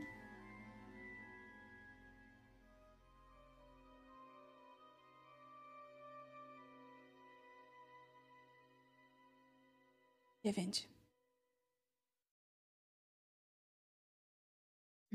Zamek nie jest obłożony jakimś bardzo potężnym zaklęciem. Natomiast faktycznie jest jakieś zabezpieczenie. Kiedy przez chwilę przy nim pomajstrujesz, próbując odsłonić, co się tam chowa, zorientujesz się, że dość łatwo będzie ci go otworzyć. I kiedy drzwi zaczną się uchylać, zrobisz krok do środka. Tylko to jest stary dom. Pierwsza deska delikatnie zaskrzypi. I wtedy zobaczysz kobietę, która odwraca się od kołyski. Blondynka o bladej twarzy, podkrążonych oczach z dużymi worami. Kto tu jest? Wyciągam w jej kierunku różdżkę. O, o, Mhm. ona za- ściska swoją, ale widząc Lenę. Walker? Brawo, Slo. Nie zapomniałaś. Co ty tutaj robisz? Podobno pracujesz w ministerstwie. Coś stało? Widzisz, jak Mhm. ona się robi blada. Widzę, że plotki doszły po cię bardzo szybko. Rozumiem, że zdajesz sobie sprawę, że jestem Aurorem, ścigam czarnoksiężników, prawda? Ale... Ale mój mąż się od tego odciął. On nie ma kontaktu z rodziną. Żyjemy tutaj w pokoju. O, o co ci chodziło? Coś się stało? Ciekawe, że akurat pomyślałaś od razu o swoim mężu, kiedy wspomniałam o czarnoksiężniku. Mm, będę musiała wspomnieć mojemu przełożonemu o tym. Dziękuję ci za te informacje, Penelopo. Ale ja tutaj jestem bardziej razem z Jade do ciebie. Ale jak to do mnie? Ona tak nerwowo zerka w stronę dziecka i o, różdżka puściła, ale widzisz, że jest dosyć spięta. Mhm. Ja tak będę krążyć po pomieszczeniu, delikatnie za każdym razem się do niej przybliżać. Ja chcę u niej wywołać te takie poczucie stresu, poczucie osaczenia. Ja generalnie czuwam na jakiekolwiek zaskoczenie. Gdyby jednak ktoś miał tu przyjść, wparować, wyjść skąd, nie wiem, z szafy z poduszka. Powiedz mi, moja droga, słyszałaś też takie plotki, że nie tylko ty masz małe dziecko? Pamiętasz może naszych wspaniałych wspólnych przyjaciół, Franka i Alicję Longbottom? Być może nie słyszałam. Wasze dzieci być może są w podobnym wieku? Być, być może. Nie, nie wiem, nie miałam dawno kontaktu. W zasadzie z nikim ze szkoły. Walker, Jak wspaniałomyślnie w takim razie wpadłyśmy do ciebie na herbatkę, na pogaduszki, poplotkować jak to tam było. czego chcecie? Dziecko się obudzi. Ależ mówimy bardzo spokojnie. A jeżeli chcesz, to chętnie zaśpiewam kołysankę twojemu dziecku. Wymruczę mu parę słów do snu. O co jej chodzi, Montgomery? Gdzie ostatnio byłaś, Slow? Tutaj opiekuje się dzieckiem. Ja sobie staram się przypomnieć, czy ona miała rodzeństwo. No miała. Jej brat jest śmierciożercą. Gdzie jest twój brat? Znaczy, przepraszam, nie jej brat. y, Brat jej męża. Okej. To istotne. Mhm. Brat jej męża. Ona czy miała rodzeństwo? Nie. A co robi twój szwagier? Przecież ci mówiłam, że. Klaus się od tego odciął. On nie utrzymuje z kontaktu. A ty? Utrzymujesz? Ale z kim? O co ci chodzi? Masz w rodzinie pewnego dość potężnego czarodzieja, czyż nie? Jest znanym medykiem od eliksirów. A, mój dziadek. No mamy wielu potężnych czarodziejów w rodzinie, ale Mhm. Łączysz już jedno z drugim? Czy jednak twój ślizgoński spryt gdzieś tam zanikł po tym, jak wyszłaś ze szkoły? nie rozumiem o co ci chodzi. Co, co ma wspólnego z mój dziadek? Sama wiesz kim.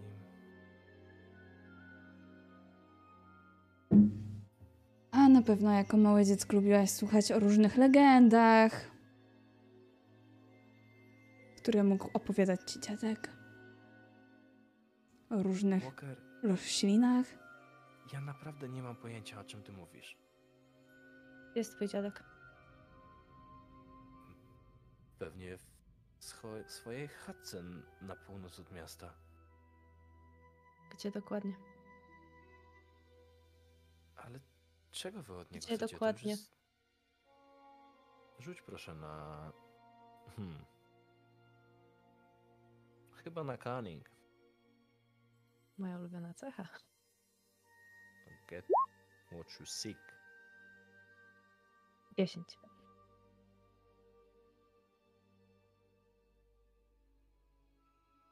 Jak wam powiem, to już sobie pójdziecie.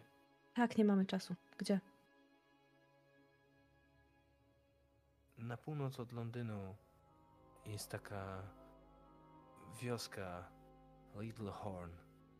Tam na jednym ze wzgórz mój dziadek miał swoją chatę, z której urządził sobie pracownię. On nie opuszcza tego miejsca, jest już bardzo stary. Ja wyciągam różdżkę i robię jeden ruch i po chwili pojawia się na stoliczku nieopodal gdzieś mniej więcej e, wzrostu 15 cm pluszowy węż. Bardzo ładny, słodki pluszowy wężyk. Ani słowa o nas, że tutaj byłyśmy. Rozumiano? Nie wiem, co się stało z tobą, Walker, ale zmieniłaś się. Wojna wszystkich zmienia. Oczywiście z wężem nic nie jest, to jest po prostu pluszak.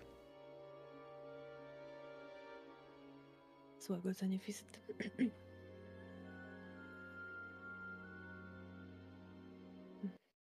I tak asekuje Przednimy- nas przy wyjściu. Mhm. Przetnijmy sobie w takim wypadku do Little Horn, do południowej części Wielkiej Brytanii, ale na północ od Londynu. Zgodnie z opisem Penelopy, faktycznie znajdziecie tam bardzo specyficznie wyglądającą chatkę. Bardzo specyficznie wyglądającą chatkę, która. No cóż. Bardzo specyficznie też wygląda. Kiedy się aportujecie na wzgórzu nieopodal z głośnym trzaskiem, pojawiając się w wirującym kształcie, widzicie chatkę, która wygląda trochę jak grzyb. Jest szeroka u podstawy, ma taki bardzo wąski yy, dach zwężający się jak spiczasty czarodziejski kapelusz, na tyle stary, że już lekko przechylony, porośnięty takim mchem i wokół niej na, na, na zboczach wzgórza rosną jakieś przeróżne krzewy, krzaki, bardzo gęsta roślinność, która zdaje się przez cały czas przemieszczać delikatnie, tak jakby te rośliny rosły w przyspieszonym tempie. Trochę to tak wygląda. Jest kilka dużych takich e, okrągłych, dzielonych na cztery okien, ale najważniejsze jest to, że część dachu jest zawalona, a z niego unosi się czarny dym. Jesteśmy za Dym późno. pożaru. Jeszcze nie jest za późno. I zaczynam biec w tamtym kierunku. I tutaj sobie Rzucam na nas też zaklęcie kameleona. utniemy.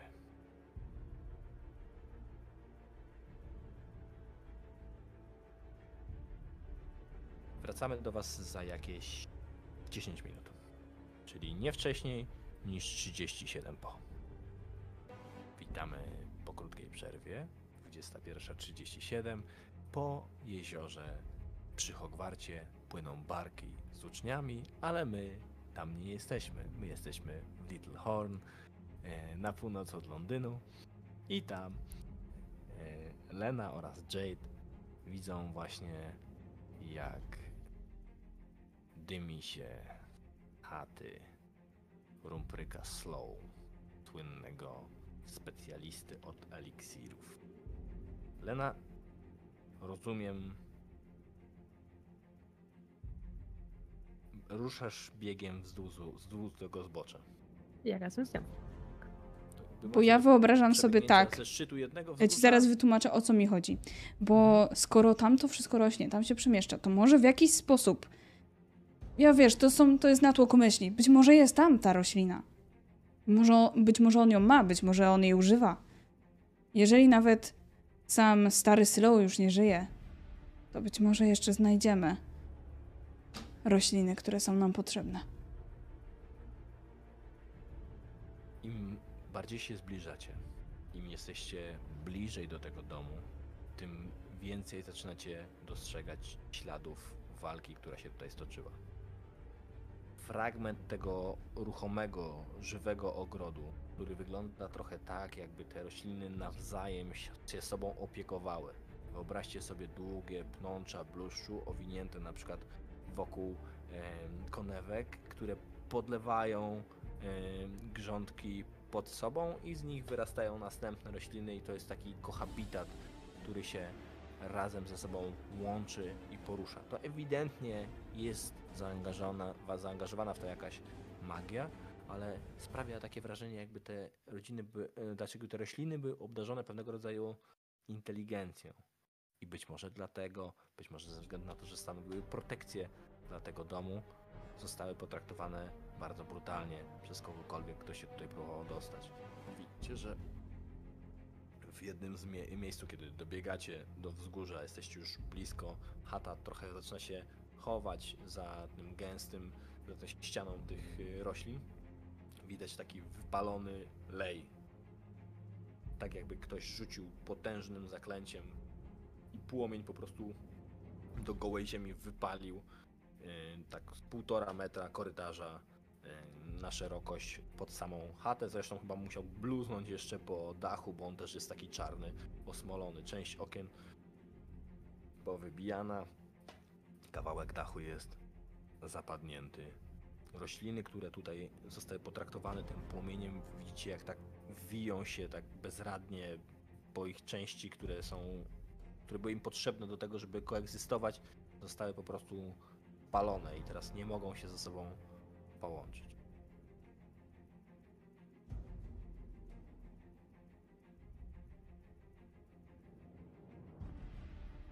Do chaty? Zanim wbiegnę do chaty, to szepnę, bo już nawet zapomnę o tym, że trzeba magii niewerbalnej używać. Akcjo, ale Tia.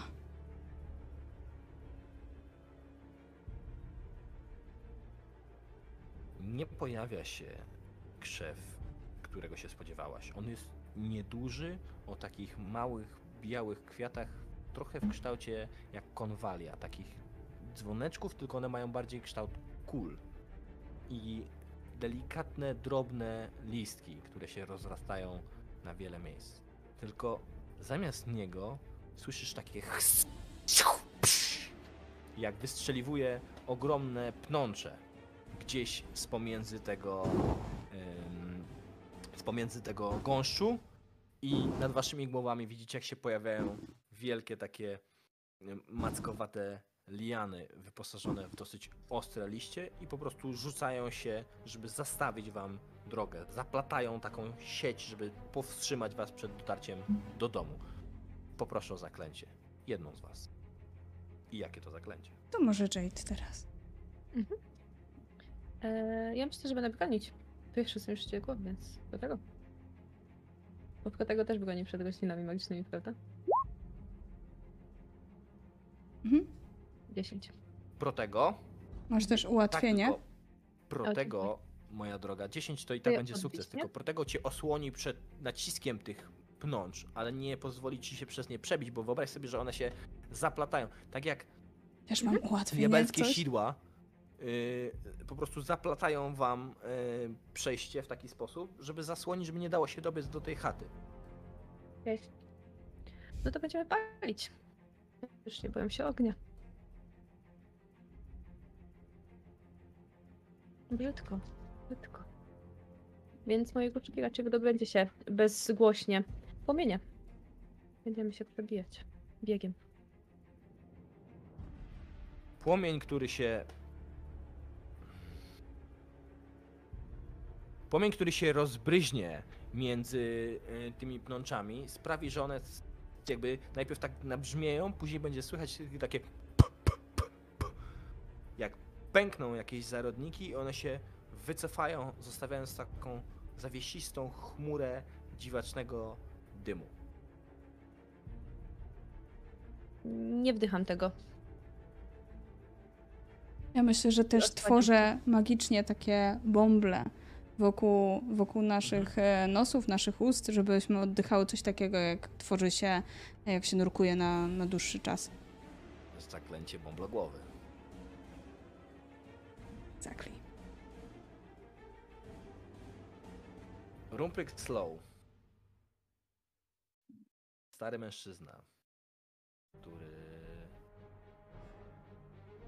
siedzi w fotelu w twoim domu pod takim ogromnym kwiatem.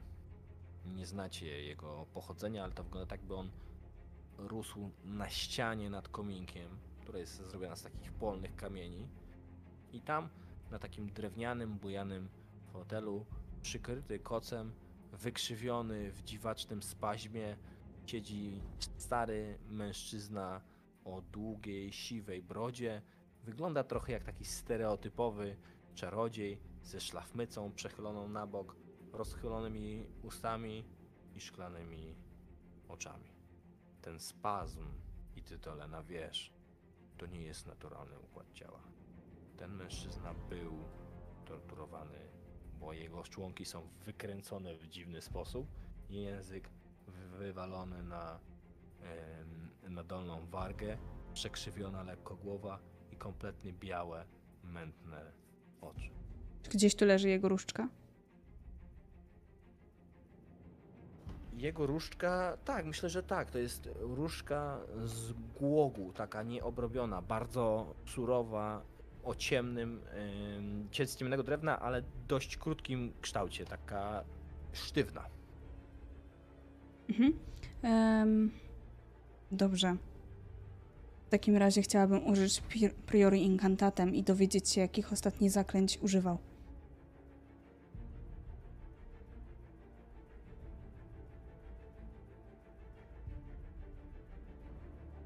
On nie używał żadnych zaklęć.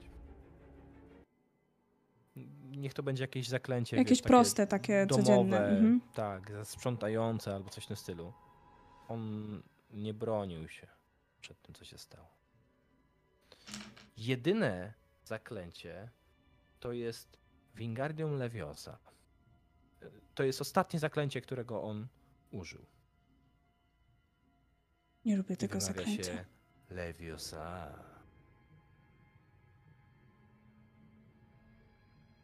Tym momencie rozglądam się w okolicy sufitu. Poprosiłbym cię o cunning.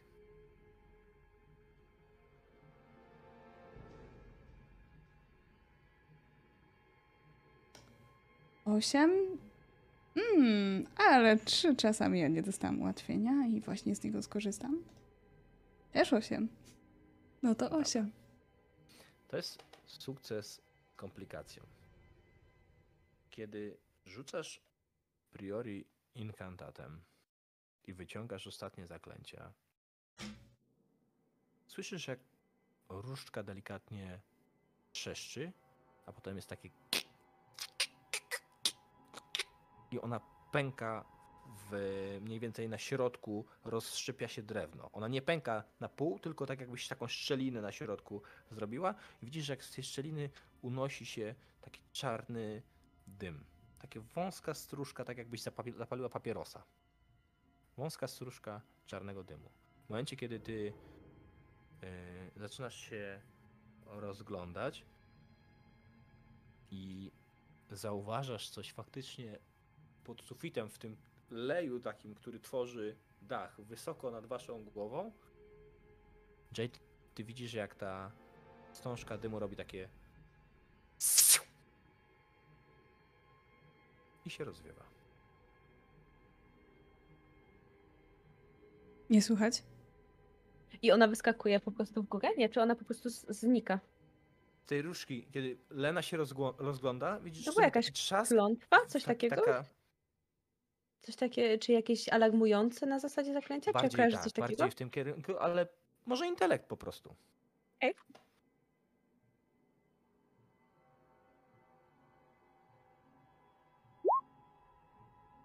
Siedem, ale użyję sobie ułatwienia. 7 to jest sukces z komplikacją. Teraz mam dziewięć. To też jest sukces z- z komplikacją. Nie znasz tego zaklęcia, nie Mhm. wiesz co mogło oznaczać, ale kojarzy ci się z sygnałem. To wyglądało tak, jakby to wyleciało w powietrze, żeby dać sygnał. A ty, Lena, dostrzegasz coś, co delikatnie połyskuje pod sufitem. Ale to jest trochę tak, jakby tam było jakieś zaklęcie maskujące i wiesz, to, tak jakby takie, taka lustrzana powierzchnia się tam pojawia. Mhm. Czy jest tutaj jakaś miotła? To jest za wysoko, żeby sięgnąć miotłą. To jest tak z... Chcę podlecieć. A, pardon, pardon. Miotła. Wiesz co? Pewnie jest, chociaż dawno nie używano, no bo Bryk A- wątpię, żeby był w stanie na niej latać, ale tak. Zatem podlatuję. Kiedy A ja się rozglądam. Bo spodziewałam się, Wyobraź że sobie, że dolatujesz do takiej wielkiej, stożkowatej, yy, jakby to jest tak czapka trochę i ty wlatujesz tak jakby do, w stronę komina, tam gdzie on się zaczyna zwężać. Tak, tak jak już zaczyna się zwężać powiedzmy do szerokości e, ludzkiej głowy, no to wyżej już nie jesteś w stanie podlecieć i widzisz, że delikatnie, w dziwny sposób, tak jakby tu jakaś była aura albo zaklęcie nałożone. To tak bardzo lekko się błyska. Tak przenika się takim magicznym, półprzezroczystym tak jakby pyłem albo blaskiem. Na takiej mniej więcej szerokości, odcinając górę tego y, dachu. Dobra. To Chciałabym zatem zbadać naturę tego zaklęcia. em, za pomocą magii zapewne. Za pomocą intelektu. To nie jest moja dobra strona.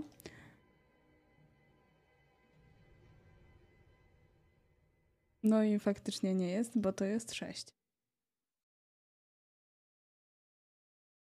To ci chwilę zajmie. Dłuższą chwilę, Lena. Będziesz próbować różnymi zaklęciami naruszyć tą strukturę. Będę przeklinać cały czas. Jade, chyba potrzebuję twojej pomocy. Ale ani Revelio, ani żadna Alohomora, Wingardium Leviosa i inne podstawowe zaklęcia nie imają się tego. Jade, może ty pomożesz? Nie Nie słychać. A se klikam dzisiaj. E, Ja spoglądam, ale pierwsze chcę to przeanalizować na zasadzie słyszałam, czego ona używała. I kurczę, tak długo eksperymentowałam. Rzucę sobie na intelekt. Czy wpadnie Mhm. mi do głowy coś, czym mogę to złamać? Mhm. Mm. Yy, Dziewięć. Wpadnie ci do głowy, tylko to też chwilę zajmie. Bo przypomnisz sobie, że kiedyś, kiedy eksperymentowałaś z, z, z zaklęciem. Jakie to było zaklęcie, które sprawiało, że nie można było przestać się drapać? A, tamto. Ym... Ojej. Nie pamiętam, śwież, świeżbo... Świeżbo, coś, coś tam, jakoś tak to nazwałam. O, tak Świeżbo go łapa, może coś. Może Świeżbo coś łapa, coś takiego. Tak dawno go nie Tak. używałam. W każdym razie jednym z kluczowych celów tego zaklęcia było stworzenie pewnego rodzaju bariery, przez którą użytkownik nie będzie mógł się prze, przebić. I to będzie doprowadzało go absolutnie do szału. No, kilka wykorzystań tego zaklęcia później zrobiło się ono dość popularne w trakcie meczów Quidditcha i trzeba było zmienić regulamin. Więc em, wszystkie miotły były przed startem badane, czy nie zostało na nie rzucone zaklęcie świeżbołapy, bo potem to, co się działo z latającymi czarodziejami, kiedy wsiadali na te przeklęte miotły. Ho, ho. Ale tak, to jest po trochę podobny efekt. Czyli to jest bariera, która będzie pochłaniała zaklęcia. Nie da się jej przebić magią, można ją sforsować fizycznie. Po prostu dłonią, przedmiotem. Cokolwiek się tam wsadzi fizycznego, przeniknie przez tą barierę. Uderz w to ręką. Bez magii. I faktycznie uderzam. Ręką. Wyobraź sobie, jakbyś włożyła dłoń do wiaderka z lodem. To jest takie uczucie. Tak jakbyś przebiła się przez cienką warstwę wody i później jest tak przeraźliwie zimno, ale ty się nie przebijasz przez tą barierę, tylko po prostu twoja dłoń znika. Tak jakbyś ją włożyła w sufit i czujesz, że się na czymś zaciska. Tam coś jest. Siedząc na tej miotle, wkładam drugą dłoń i obiema chcę to Nie, wyjąć. nie, jedna dłoń ci wystarczy, to jest nieduże. Okej.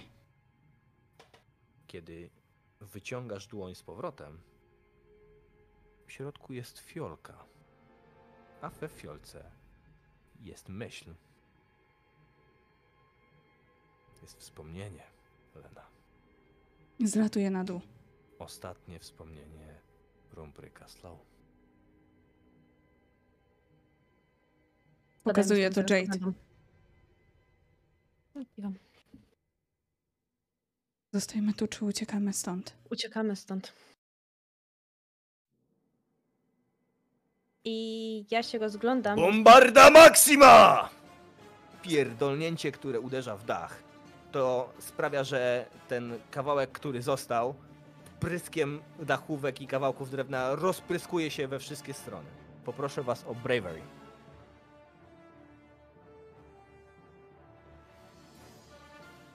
Dziewięć. 13.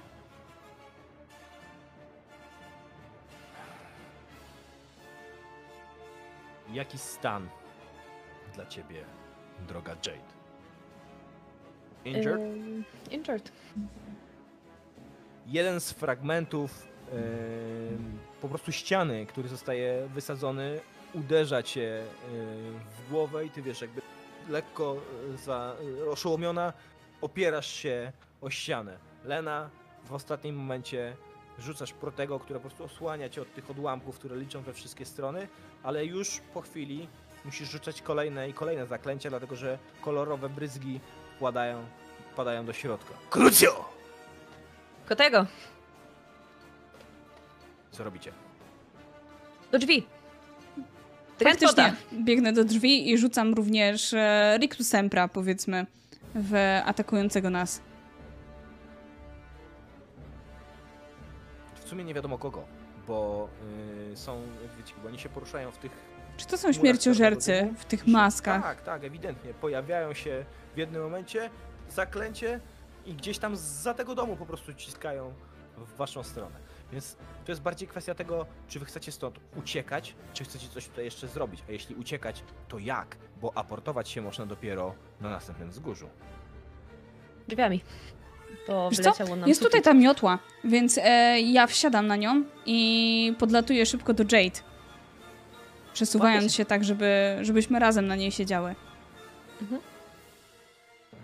No dobra, to ja ciskam za szybę. Do tego. I szybki zwód Wrońskiego niech będzie. Mhm. Żeby... Ja myślę, że już to kiedyś robiłyśmy. Jedna z was, yy, czy Lena, bo Lena będzie kierować na Bravery.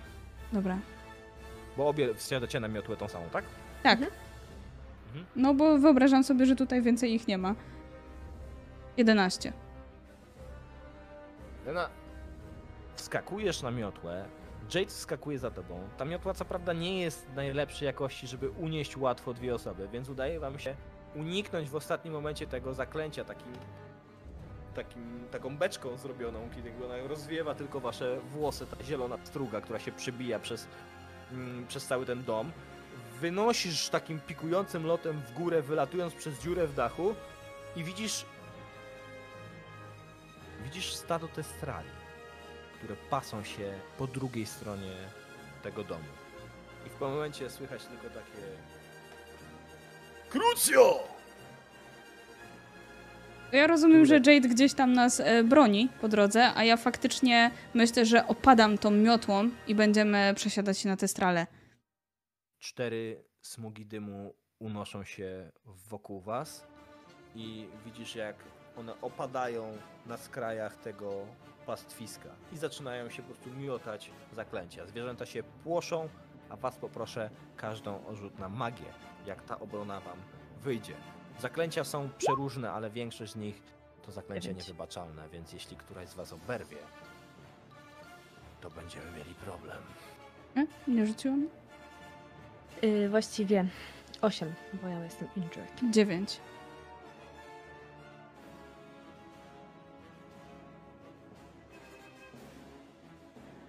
Osiem i 9 to są dwa razy sukcesy z komplikacjami.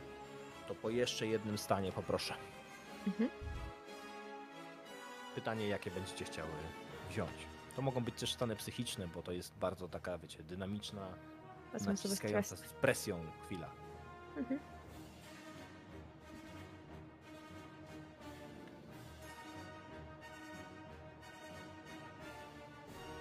Ja myślę, że injured będzie spoko. Mhm. Mhm.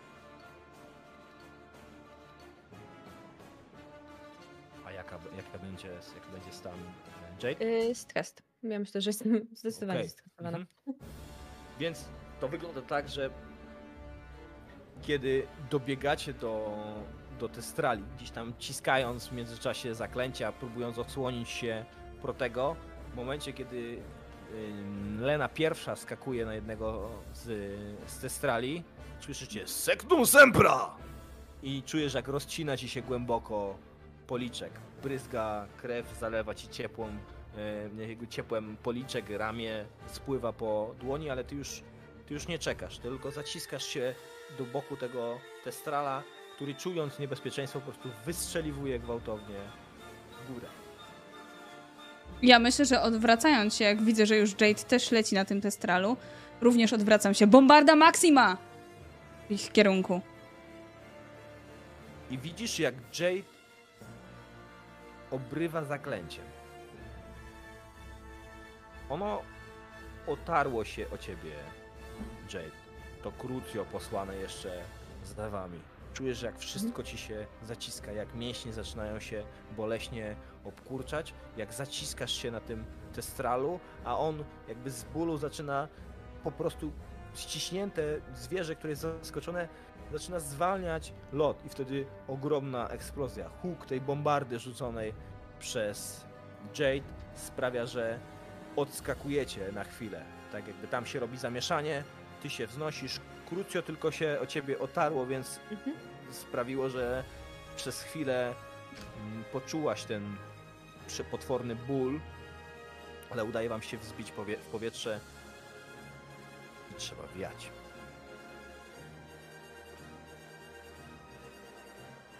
Pytanie brzmi gdzie? Bo oni za wami podążą. Co do tego nie ma wątpliwości.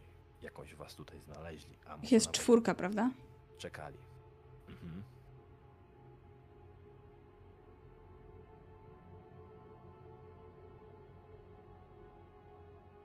Nie z takimi się walczyło. Ja sobie wspominam. Wspominam te wszystkie śmierci, które ma, miałam za sobą. Fabiena i Gideona, Lily, Jamesa, Petera i jeszcze to, co zrobili e, Longbottomom. Ja wiem, że ja chcę to zrobić. I rzucam krucjo w ich stronę. Najbliższego. Bo przy zaklęciach niewybaczalnych to trzeba naprawdę chcieć. Ja tego naprawdę chcę, żeby oni cierpieli. Żeby już nigdy więcej nie podnieśli różki na żadnego czarodzieja. Jade, a ty?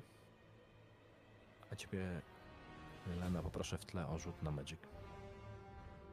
A ja widzę, że zostajemy w takim razie. I W sensie jakby, ja rozumiem, że wy lecicie, a oni was gonią. Tylko pytanie, gdzie? tylko my nie lecimy chyba w żadnym konkretnym kierunku, tylko Mhm. będziemy się tak ganiać i walczyć po prostu. 11. Więc y, jak ona rzuca i widzę, że po prostu będziemy walczyć, dopóki nie wydrogujemy sobie drogi, to ja bym chciała szarpnąć tym testralem, tak żeby on zmienił tor lotu, w sensie zrobić nim beczkę w powietrzu. Mhm. Może go uda mi się do tego zmusić. Y, I wpaść tak naprawdę między nich. I tam będę y, rzucać. Skóry drętwotą jesteśmy na takiej wysokości, że jak spadnie tutaj.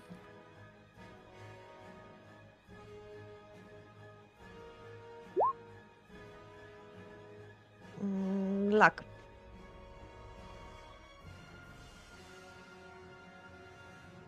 To wygląda w ten sposób, że kiedy ty wykonujesz ten dziwaczny manewr, Testral zaczyna młócić kopytami w powietrzu. On jest nieprzyzwyczajony do tego, żeby się w ten sposób odwrócić. To jest jednak tylko zwierzę, ale udaje ci się go zmusić i on w takim kwikiem dziwacznym wpada pomiędzy tych śmierciożerców. Byłoby bardzo kiepsko, gdyby nie krucjo rzucone przez Lenę. Lena, rzucasz krucjo prost w Rabastana Lestrange'a. Znasz tego człowieka wiedziałaś, do kogo e, przystąpił, kim jest i do czego jest zdolny. Więc kiedy jego wykrzywiona twarz z bólu. Widzisz, jak się wykrzywia. W tym samym momencie jego brat Rudolf pojawia się tuż obok. em, tuż obok Jade i unosi różdżkę. Ja też. Oddawaj! Ja myślę, że w tym momencie moja różdżka nie zwraca się już w kierunku e, tego pierwszego Lestrange'a, tylko idzie na drugiego i Expelliarmus. Tutaj ten pojedynek, on gdzieś tam będzie przez chwilę pomiędzy wami trwał, bo rzucone przez niego zaklęcie może zostać odbite przez Jade, ale oni mają mimo wszystko przewagę. Mhm. Nie uciągniecie tak za długo. A po chwili, po chwili dołączy czwarty, czwarta smuga dymu. Głupie szmaty! Szlamy! Avada Kedavra! Bellatrix.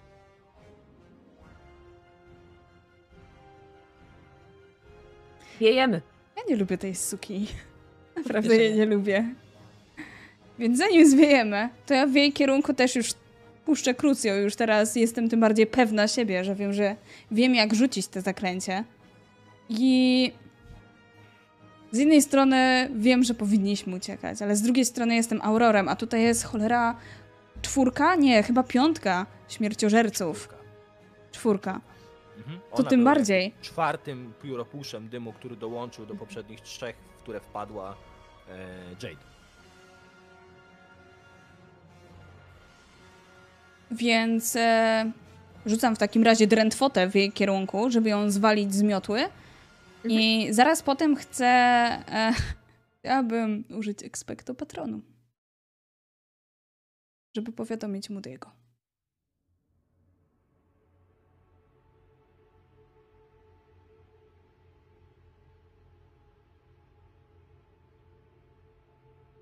Czy my już jesteśmy poza zasięgiem domu? Czy my możemy się deportować? Tak, już tak.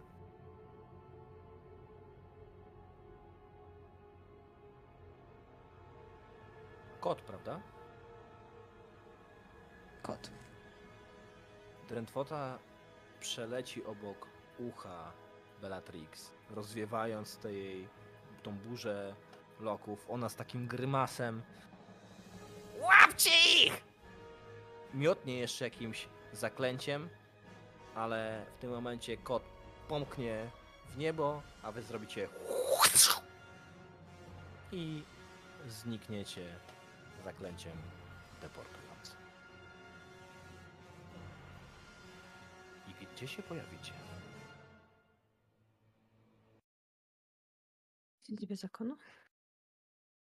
Gdzieś w okolicy? Myślę, że gdzieś w okolicy, bo jednak jest, byliśmy w mocnym zagrożeniu i gdzieś tam na pewno myśleliśmy o, w- o wsparciu, którego potrzebujemy. Więc siłą rzeczy.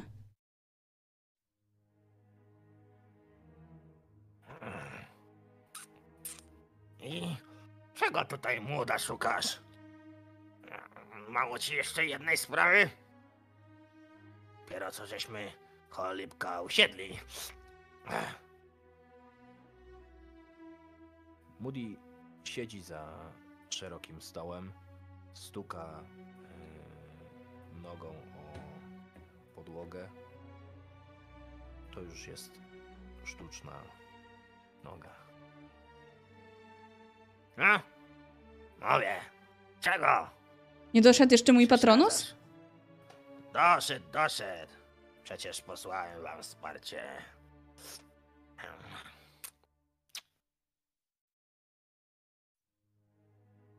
No powiesz mi w końcu, co się dzieje? Wpadasz tutaj z dziejana? Umawialiśmy się, że nie będziesz sama się wyprawiać, tak czy nie? Nie, sama. Mhm. Jeszcze coś masz do powiedzenia, Montgomery? Po ostatnim? I ja milknę. Ja wróciłem sam? Ją też tak chcesz zabrać? A ty co sobie myślisz, Walker? Wszystkie rozumy pozjadałaś? Ja w tym momencie odwracam się do niego plecami, podchodzę do okna, spoglądam gdzieś tam dalej. Jeżeli jest szansa, że można ich uratować, jeżeli można przywrócić im pamięć, to tak. Owszem, będę walczyć do końca. Szansa! Głupia dziewczyno! Jak zginiesz, to nie będzie żadna szansa. Myślisz, że mnie nie boli to, co się stało? Odwracam się szybko w jego kierunku i podchodzę. Masz myśl odsiewnie? Wiem, że masz. Mam. Po co ci myśl od siebie? Wyciągam z kieszeni tę fiolkę i mu pokazuję. Co to? Ostatnie wspomnienia Rumpryka chwilę.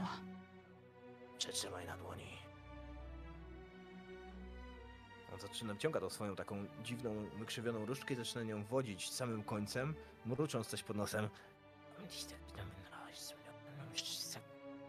Hmm, chyba nie jest przeklęte. No dobra. Spróbujmy.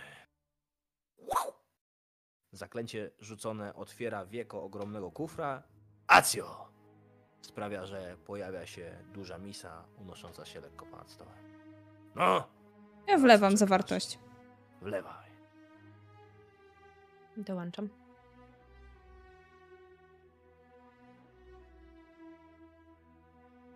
I Słuchajcie- zanurzamy się w wspomnieniu. Zanurzacie się we wspomnienie. To jest tak, jakbyście się zanurzyły w taką bardzo chłodną wodę, ale to jest dosyć przyjemne. Ona jest taka gęsta i później zostajecie wciągnięte wprost otchłań czyjegoś wspomnienia. W tym wypadku wspomnienie należy do Rumpryka Slow. I to jest wspomnienie z odwiedzin śmierciożerców.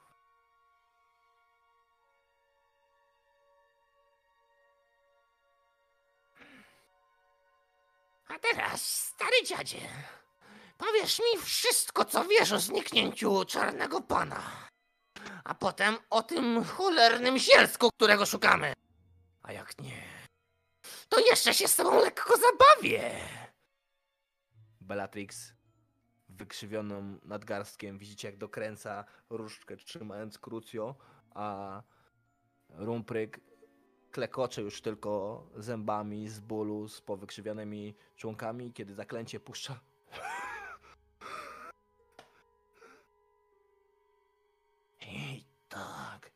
Sami nie zdołacie uważać tego eliksiru. Poza tym, te kwiaty od dawna już tam nie rosną. Kaendungi kiedyś rosły tam, na wybrzeżu, na Hellsmouth, ale to jest tylko głupia legenda. Całe życie spędziłem szukając tego eliksiru. Nie znajdziecie nigdy źródła szaleństwa. Oni wiedzą, co się stało z czarnym panem, a my się chcemy tego dowiedzieć. Rozum, robaku. Młody chłopak, rudy, o wykrzywionej gniewem twarzy. Gadaj! Potem to wspomnienie się jeszcze lekko rozmyje. I to jest coś, czego śmierciożercy już nie zobaczyli. Albo może zobaczyli w takiej samej wersji jak wy, jako wspomnienie, jeśli wyciągnęli to z głowy Rumpryka. Ale widzicie bardzo charakterystyczne miejsce. Długi klif, unoszący się na kilkanaście metrów w głąb morza o takim kształcie trochę postrzępionego grotu strzały, taki powyzębiany przez bijące w niego od wielu, wielu lat fale. I na samym końcu tego klifu dwa sterczące z wody kamienie, jakby rogi diabła. Takie ogromne dwa kamienne stożki wystające wprost z morza. Sunięte od tego kli- klifu jakieś kilkanaście, może kilkadziesiąt metrów, trudno powiedzieć tak dalekiej perspektywy. Ale wspomnienie będzie wyglądało tak, że Rumpryk Slow będzie stał na samym końcu tego półwyspu, tego cypla, trudno powiedzieć, i rzucał jakieś skomplikowane zaklęcie w stronę tych dwóch kamiennych występów, które z wody wystają. To jest wspomnienie.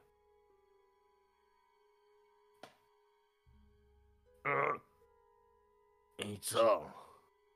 Mówi wam to coś? Ja w ogóle nie zwracam uwagi na Moody'ego. Patrzę od razu w stronę Jade.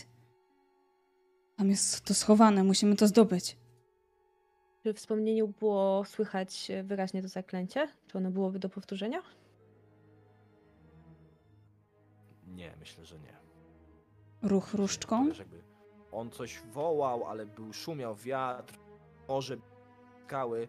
Tak, on machał różką, takie duże zataczał koła. To by musiało być jakieś potężne zaklęcie, bo yy, chwilę to trwało, ale to był tylko taki, wiecie, urywek, taka przebitka ze wspomnień tego starego czarodzieja do momentu, kiedy on stał na tym klifie.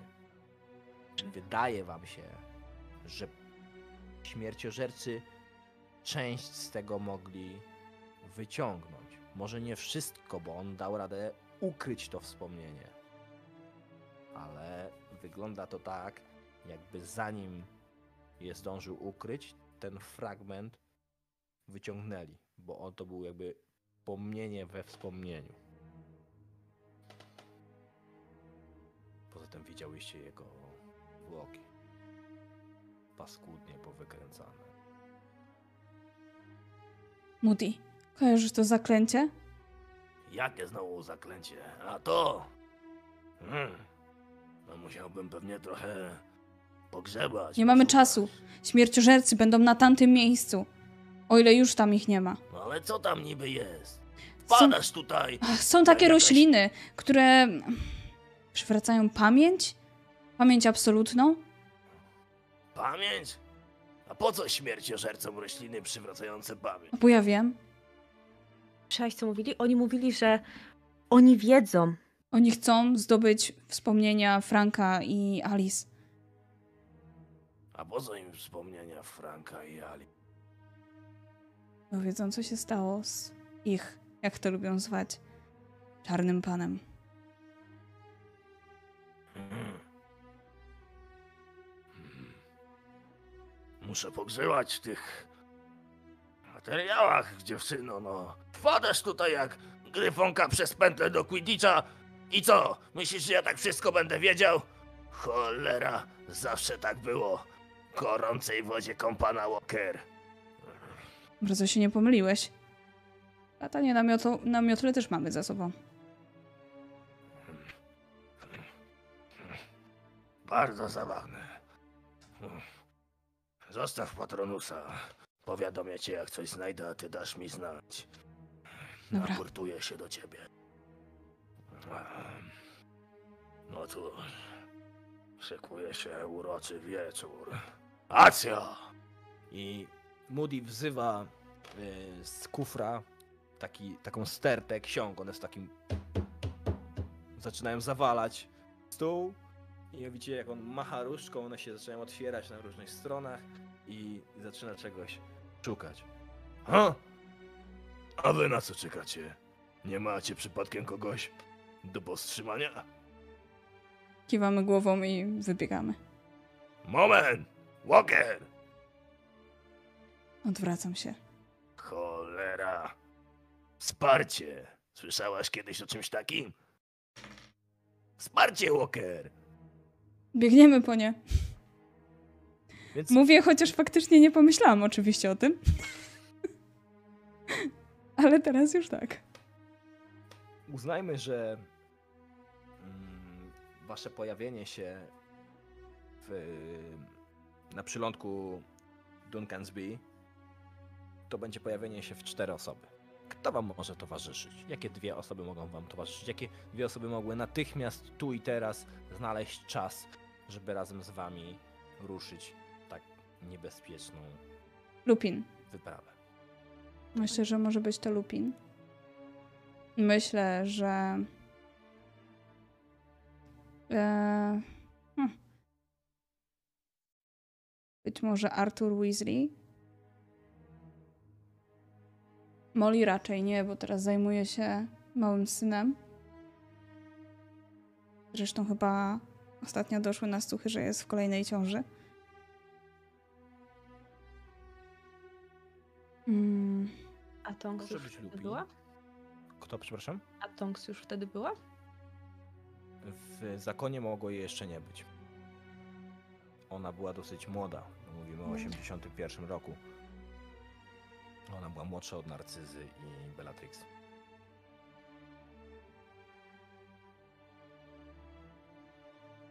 Znaczy Muszę- Bellatrix. Bellatrix była jej ciotką. Powiedzmy w takim razie, że będzie z nami niejaki pan Vega O, oraz. Pan Vega. Oczywiście, że tak. Bardzo rozsądne, żeby pan Vega, znający już doskonale Lenę, się z wami prawił. Lupin, myślę, że to jest też możliwe.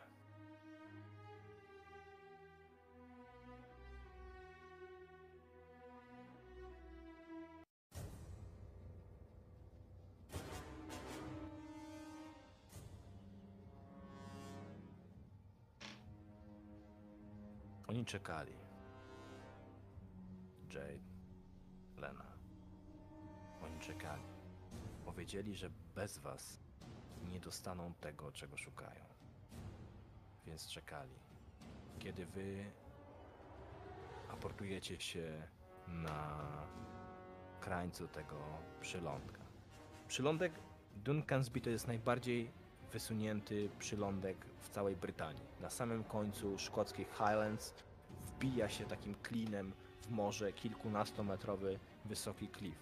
On się uszerza, poszerza u podstawy i zaczyna zwężać w stronę końca. I oni stoją mniej więcej na środku tego przylądka. Rozsunięci co parę metrów, każde z różdżką w dłoni, w czarnych, długich szatach. Nie mają nawet masek, bo już nie są im potrzebne. To jest Barty Crouch Jr., e, Rudolphus Lestrange, Drugi Lestrange. i Mhm. Bellatrix. Stoją we czwórkę naprzeciwko was. No, wreszcie jesteście. Szlamy. A teraz oddawać wspomnienie. Najpierw, że starzec je gdzieś ukrył. najpierw zapraszam cię do tańca, moja droga. Drętwota! Prudego! Tańcz, ty dziwko! Awada dobra! Do tego! No i moi drodzy, zaczynamy. Hard part of the game. Poproszę o rzuty na magię, które nam otworzą. Generalnie widzę to tak. Musicie uzbierać we dwie cztery sukcesy, żeby w sensie cztery pełne sukcesy, komplikacje liczymy za połówkę, żeby rozwalić całą czwórkę. Ważne pytanie. Czy my zdążyłyśmy się tam u Moody'ego trochę podleczyć? Żeby jakiś stan mógł Tak, z myślę, że startujemy Mhm. z, z takim stanem, że już tam jakby te obrażenia nie były jakieś silne, ale też ten stres to chwilę musiał trwać. Mhm. Więc 11. Pięć. Używam szczęścia, więc jeden sukces. Mhm. Mamy dwa Czyli sukcesy. mamy dwa. Mhm.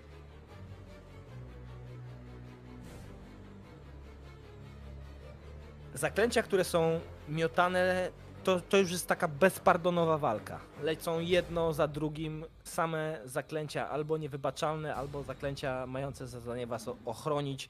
Jakieś podłe sztuczki, rzucanie nagle zaklęć w prawo czy w lewo, żeby wybić kogoś, ale to się trochę zamienia w pojedynki. I w pewnym momencie widzicie, jak Barty Crouch Jr. rzuca zaklęciem Cruciatus prosto w Phineasa. O nie. Krucjo! Phineas obrywa w klatkę piersiową i ugina się przy zaklęciu. Ale Crucio to nie jest zaklęcie, które jest w stanie natychmiast powalić e, czarodzieja, więc odpowiada, Drętwota! ale nie trafia. Teraz kolejny rzut, który musicie wykonać, to jest rzut na loyalty. Jedna z was rzuca na loyalty, a jedna z was rzuca na magic. Chyba, że chcecie obie rzucić na loyalty i obie osłonić Phineasa. Ja zdecydowanie wolałabym Magic. To ja będę rzucać na lo- loyalty. 10. Obie mamy Tak. też ułatwienie. A, dziękuję. To ja sobie rzucę jeszcze. 10 trafia, prawda? Mhm. E, ja mam 8. Jaki stan Injured. moja droga?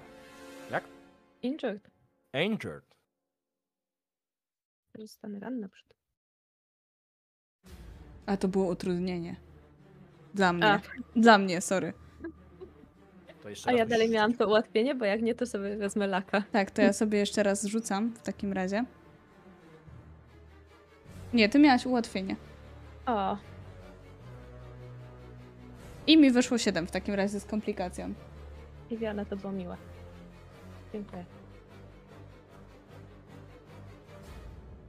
Mm, Zaklęcie, które miotnie w swoją stronę, e, a które cię zrani, e, droga Jade, to będzie konfigo.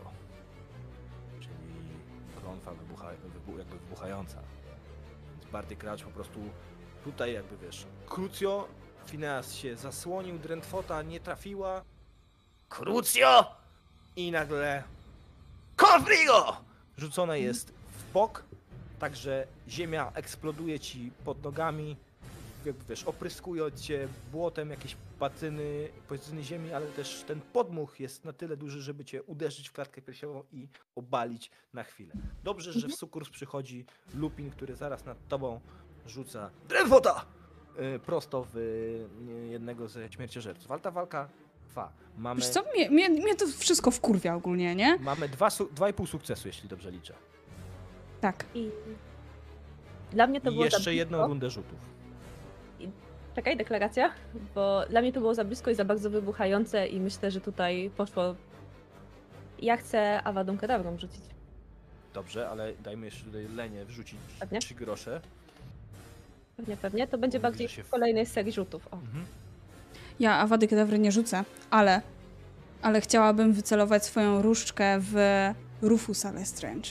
Bo ja wiem, że to jest bardzo słaby, czuły punkt e, Bellatrix. I w niego rzucić Crucio. Dobra.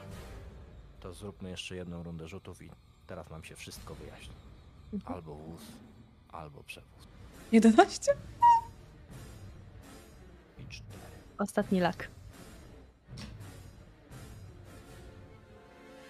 Masz więcej szczęścia.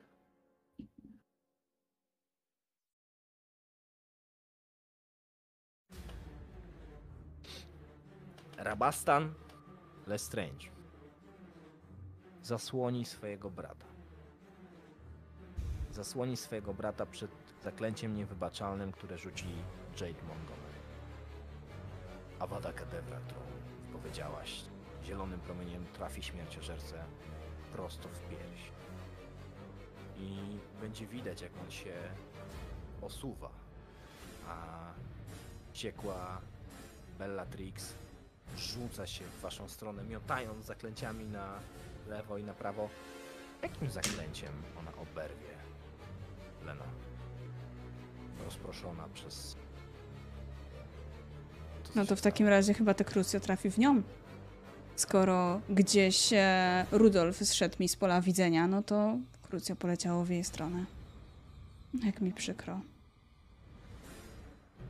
ona się, ona dostaje tym krucjo, wykrzywia się w takim uśmiechu Co na mnie nie zadziała, ty dziwko! i upada. Upada trafiona przez Fineasa takim zaklęciem rzuconym gdzieś tam z boku, kiedy zwolniło się trochę przestrzeni. Lupin zajął Bartiego Croucha i faktycznie udało się rozbroić yy, śmierciożerców. Ale teraz jest decyzja do podjęcia, bo opanowanie ich tutaj w sytuacji 4 na 4 wymaga od was czasu i nie możecie ich tak po prostu puścić. Natomiast Barty Crouch Jr. pędem rzuca się w stronę klifu. On ucieka. Pozostała, pozostała dwójka, jakby no, trafiona Crucio, Bellatrix musi być też cały czas trzymana przez kogoś jakimś zaklęciem. Tak samo Rudolfus, który wściekły miota się, próbując wyzywać was od najgorszych i Ja- uratować swoją żonę.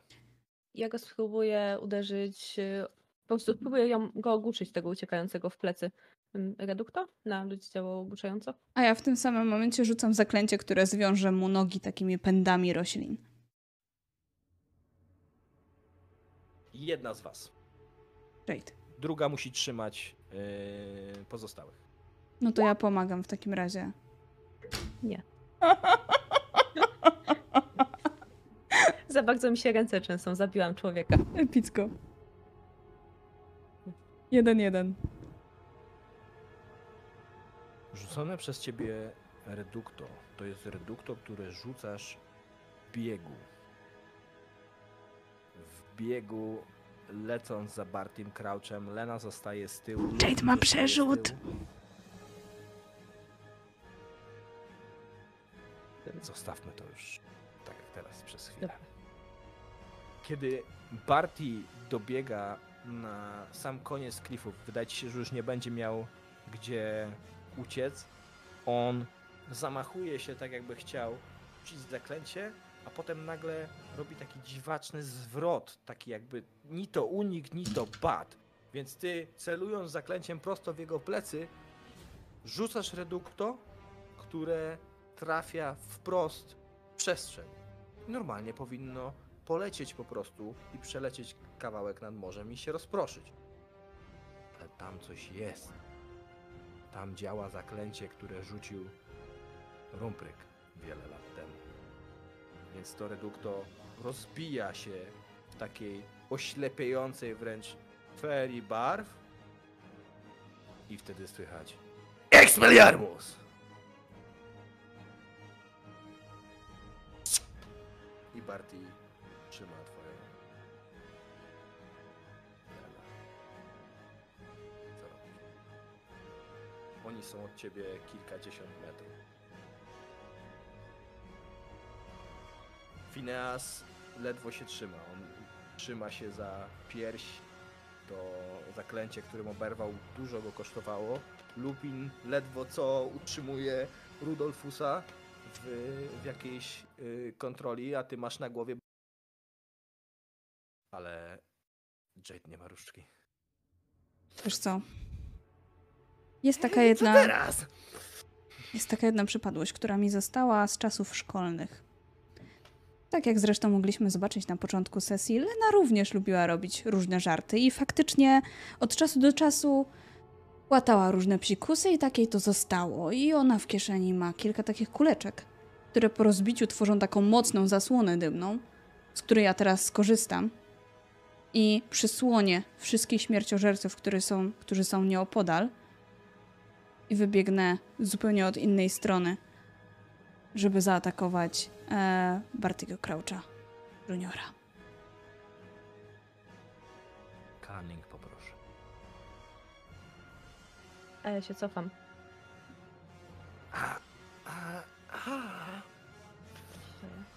Osiem? Pomożesz mi teraz ściągnąć to zaklęcie dla czarnego pana.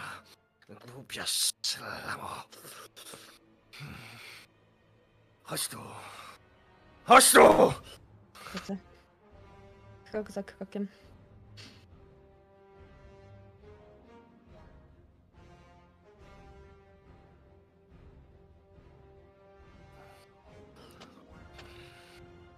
Podobno musi się przelać krew. No to niech się przelewa. Zobaczymy tą zabawkę, którą nauczył mnie Severu. Rzut. Lena. Osiem. Komplikacja. Ja myślę, że idealnie jak wspomniał o tym, że, że jest to krew, że on chce krew, to będzie to zaklęcie tnące. A jak żeby inaczej.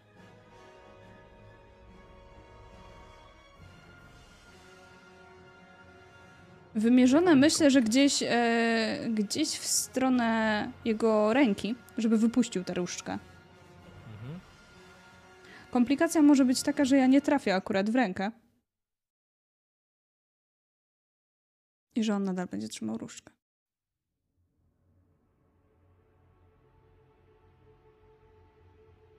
Zaklęcie tnące przelatuje tuż obok twojego ramienia, Jade. Trafia Bartiego Croucha w ramię. Nie w dłoń ani przed ramię, tylko w ramię. Szeroka rana, jaka się pojawia, bluzga krwią. I wtedy widzisz, jak za nim zaczyna się rozmywać mgła.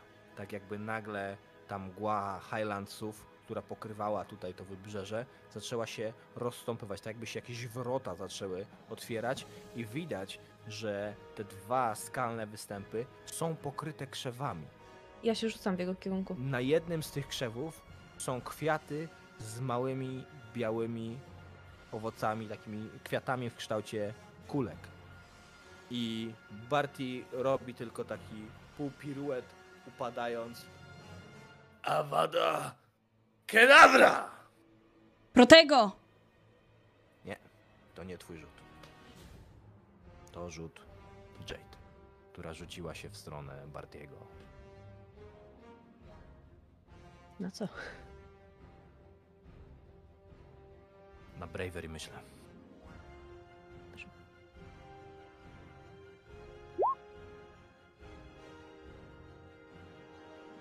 Osiem.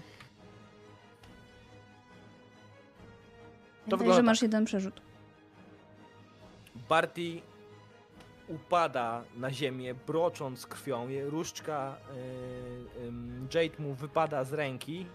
Y, Jego zaklęcie przelatuje tuż obok skaczącej do przodu Jade, a ty widzisz jak Jade staje na krawędzi klifu i klif się pod nią załamuje. I ona spada w dół. Lena. Biegnę do tego, e, do końca tego klifu. Arresto momentum! Mogę rzucić na magię? Nie, nie musisz. Zawieszona w powietrzu Jade będzie miała sporo szczęścia, że ma taką sprawną przyjaciółkę w rzucaniu zaklęć. Naprawdę sporo. Moody pojawi się posiłkami niedługo później. Może Remus, może Phineas go wezwał.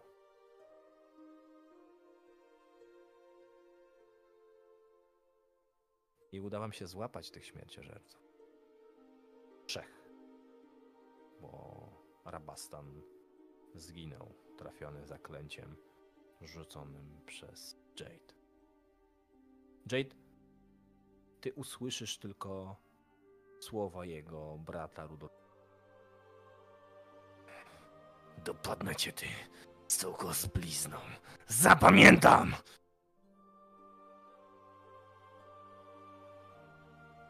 ale myślę, że bardziej Was będą interesowały owoce, które te kwiatostany, które porastają. Te dwa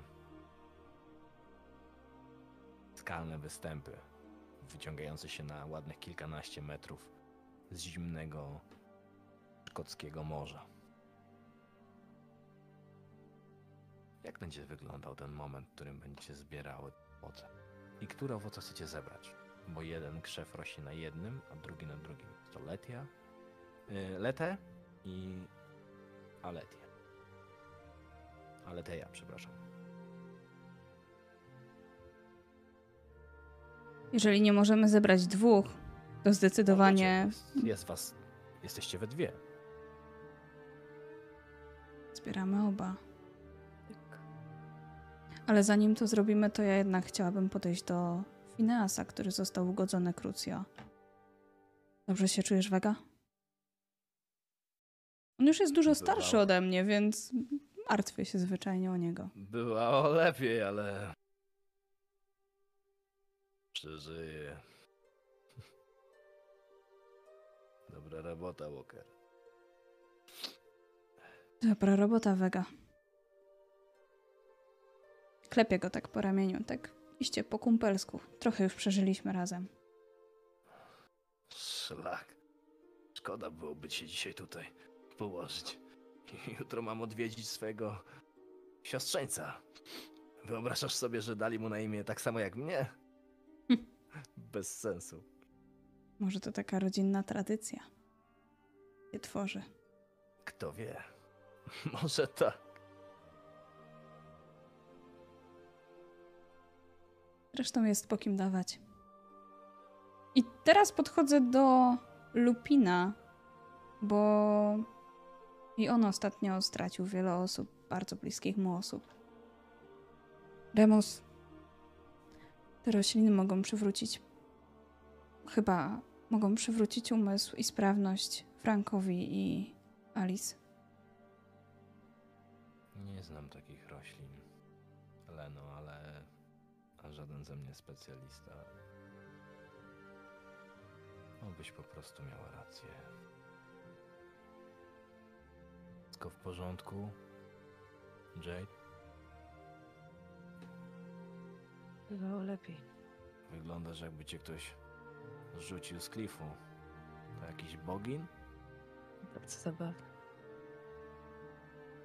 Ani trochę. Ale mnie łeb boli. Och.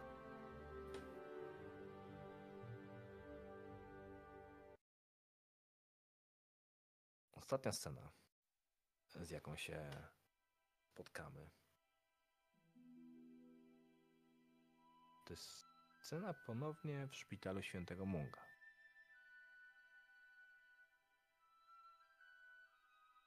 Wchodzicie do pokoju Franka i Alice. Dostałyście informację, że zostali poddani kuracji tymi owocami, które wywiozłyście.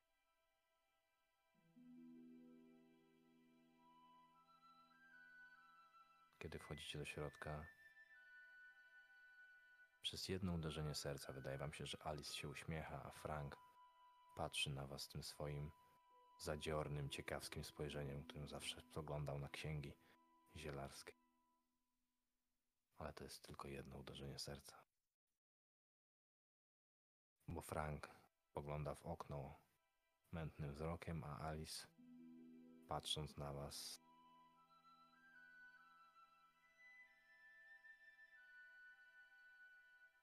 faktycznie się uśmiecha, ale kompletnie do siebie.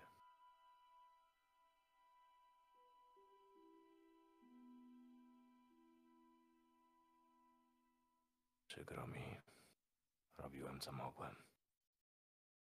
Głos lekarza dobiega od framugi.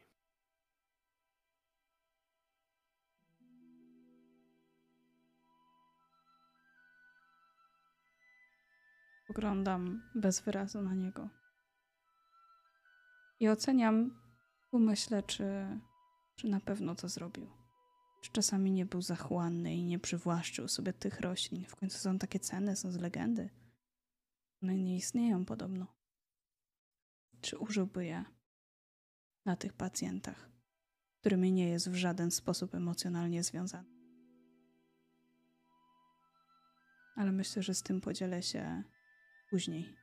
Z Jade, z Moodim, z Wegą. Ja przetrzepuję w pamięci każdą istotę na tym świecie, którą znam, która mogłaby umieć uważać eliksir, którego nikt nie umiałby już uważać zapewne. Na to, co się Nie. stało z. Hmm? Nie znam takiego. Na to, co się stało z Frankiem i z Alice, nie pomoże nawet zaklęcie łajnowłosu. Cała kreatywność. A lekarz patrzy ze smutkiem i mówi: Może one by zadziałały, ale one były niedojrzałe. Ale Teja, ona dojrzewa przez setki lat. Zatem użyjemy ich za 10 lat, 20, 30? Ale użyjemy. Przykro mi. I wychodzi.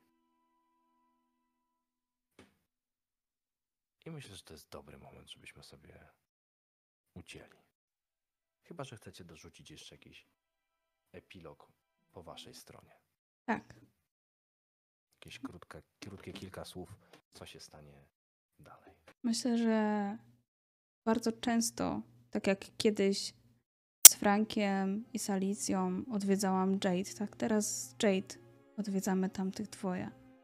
Za każdym razem przynosimy im ich ulubione cukierki.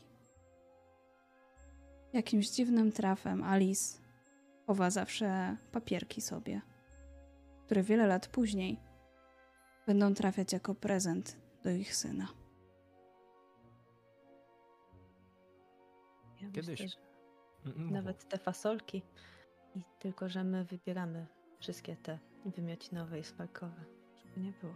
Chociaż myślę, że raz jedną zostawię, jak Jade nie będzie patrzeć, żeby zobaczyć, czy może właśnie to coś złego zadziała. Bo się nigdy nie poddaje. Myślę, że zakończymy taką sceną, w której Remus odwiedzi Franka i Alice.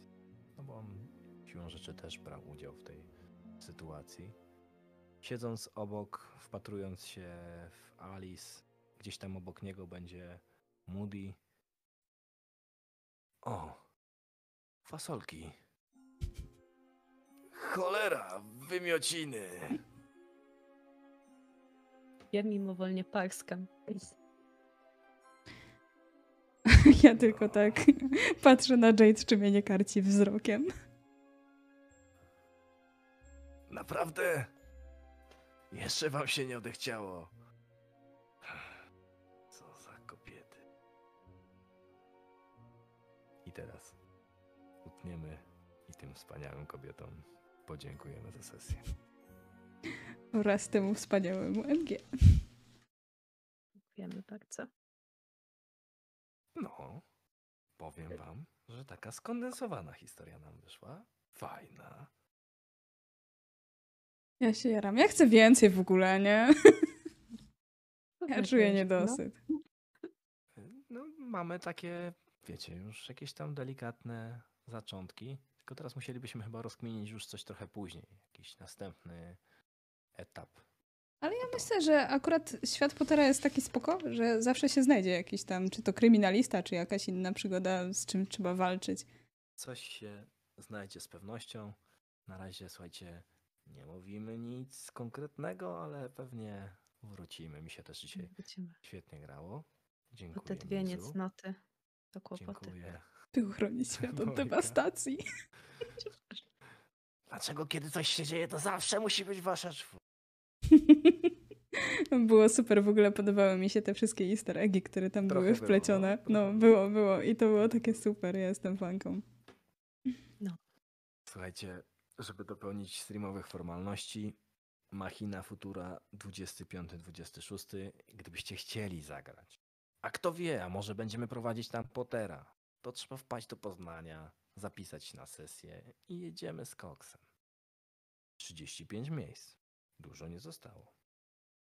Poza tym zachęcamy Was do komentowania. Jeśli sesja, sesja w Hogwarts RPG, powrót Leny, pojawienie się Jade Wam się podobały, zapraszam Was serdecznie do zostawienia po sobie jakiegoś śladu, a tych, którym się bardzo podobało, do subskrypcji albo odwiedzenia naszego konta na Patronite. Jutro gramy, moi drodzy, w Wiedźmina na kompanii Ostrzy i to wielki finał naszej mini kampanii. Będziemy bronić Nowigradu. I z tego co wiem, to to jest chyba nie jedyny finał w tym tygodniu, prawda? Tak, w piątek też mamy finał. Finał No tak, Zabić finał. Smoka i tam to się będzie działo, na pewno umrzecie ze śmiechu. Zamordujemy ze śmiechu smoka. Zamordujemy ze śmiechu. No i widzicie, szykuje się wiele wspaniałych opowieści na Imaginarium, więc wpadajcie, a my się już żegnamy. Pa, pa. Dobrej nocy.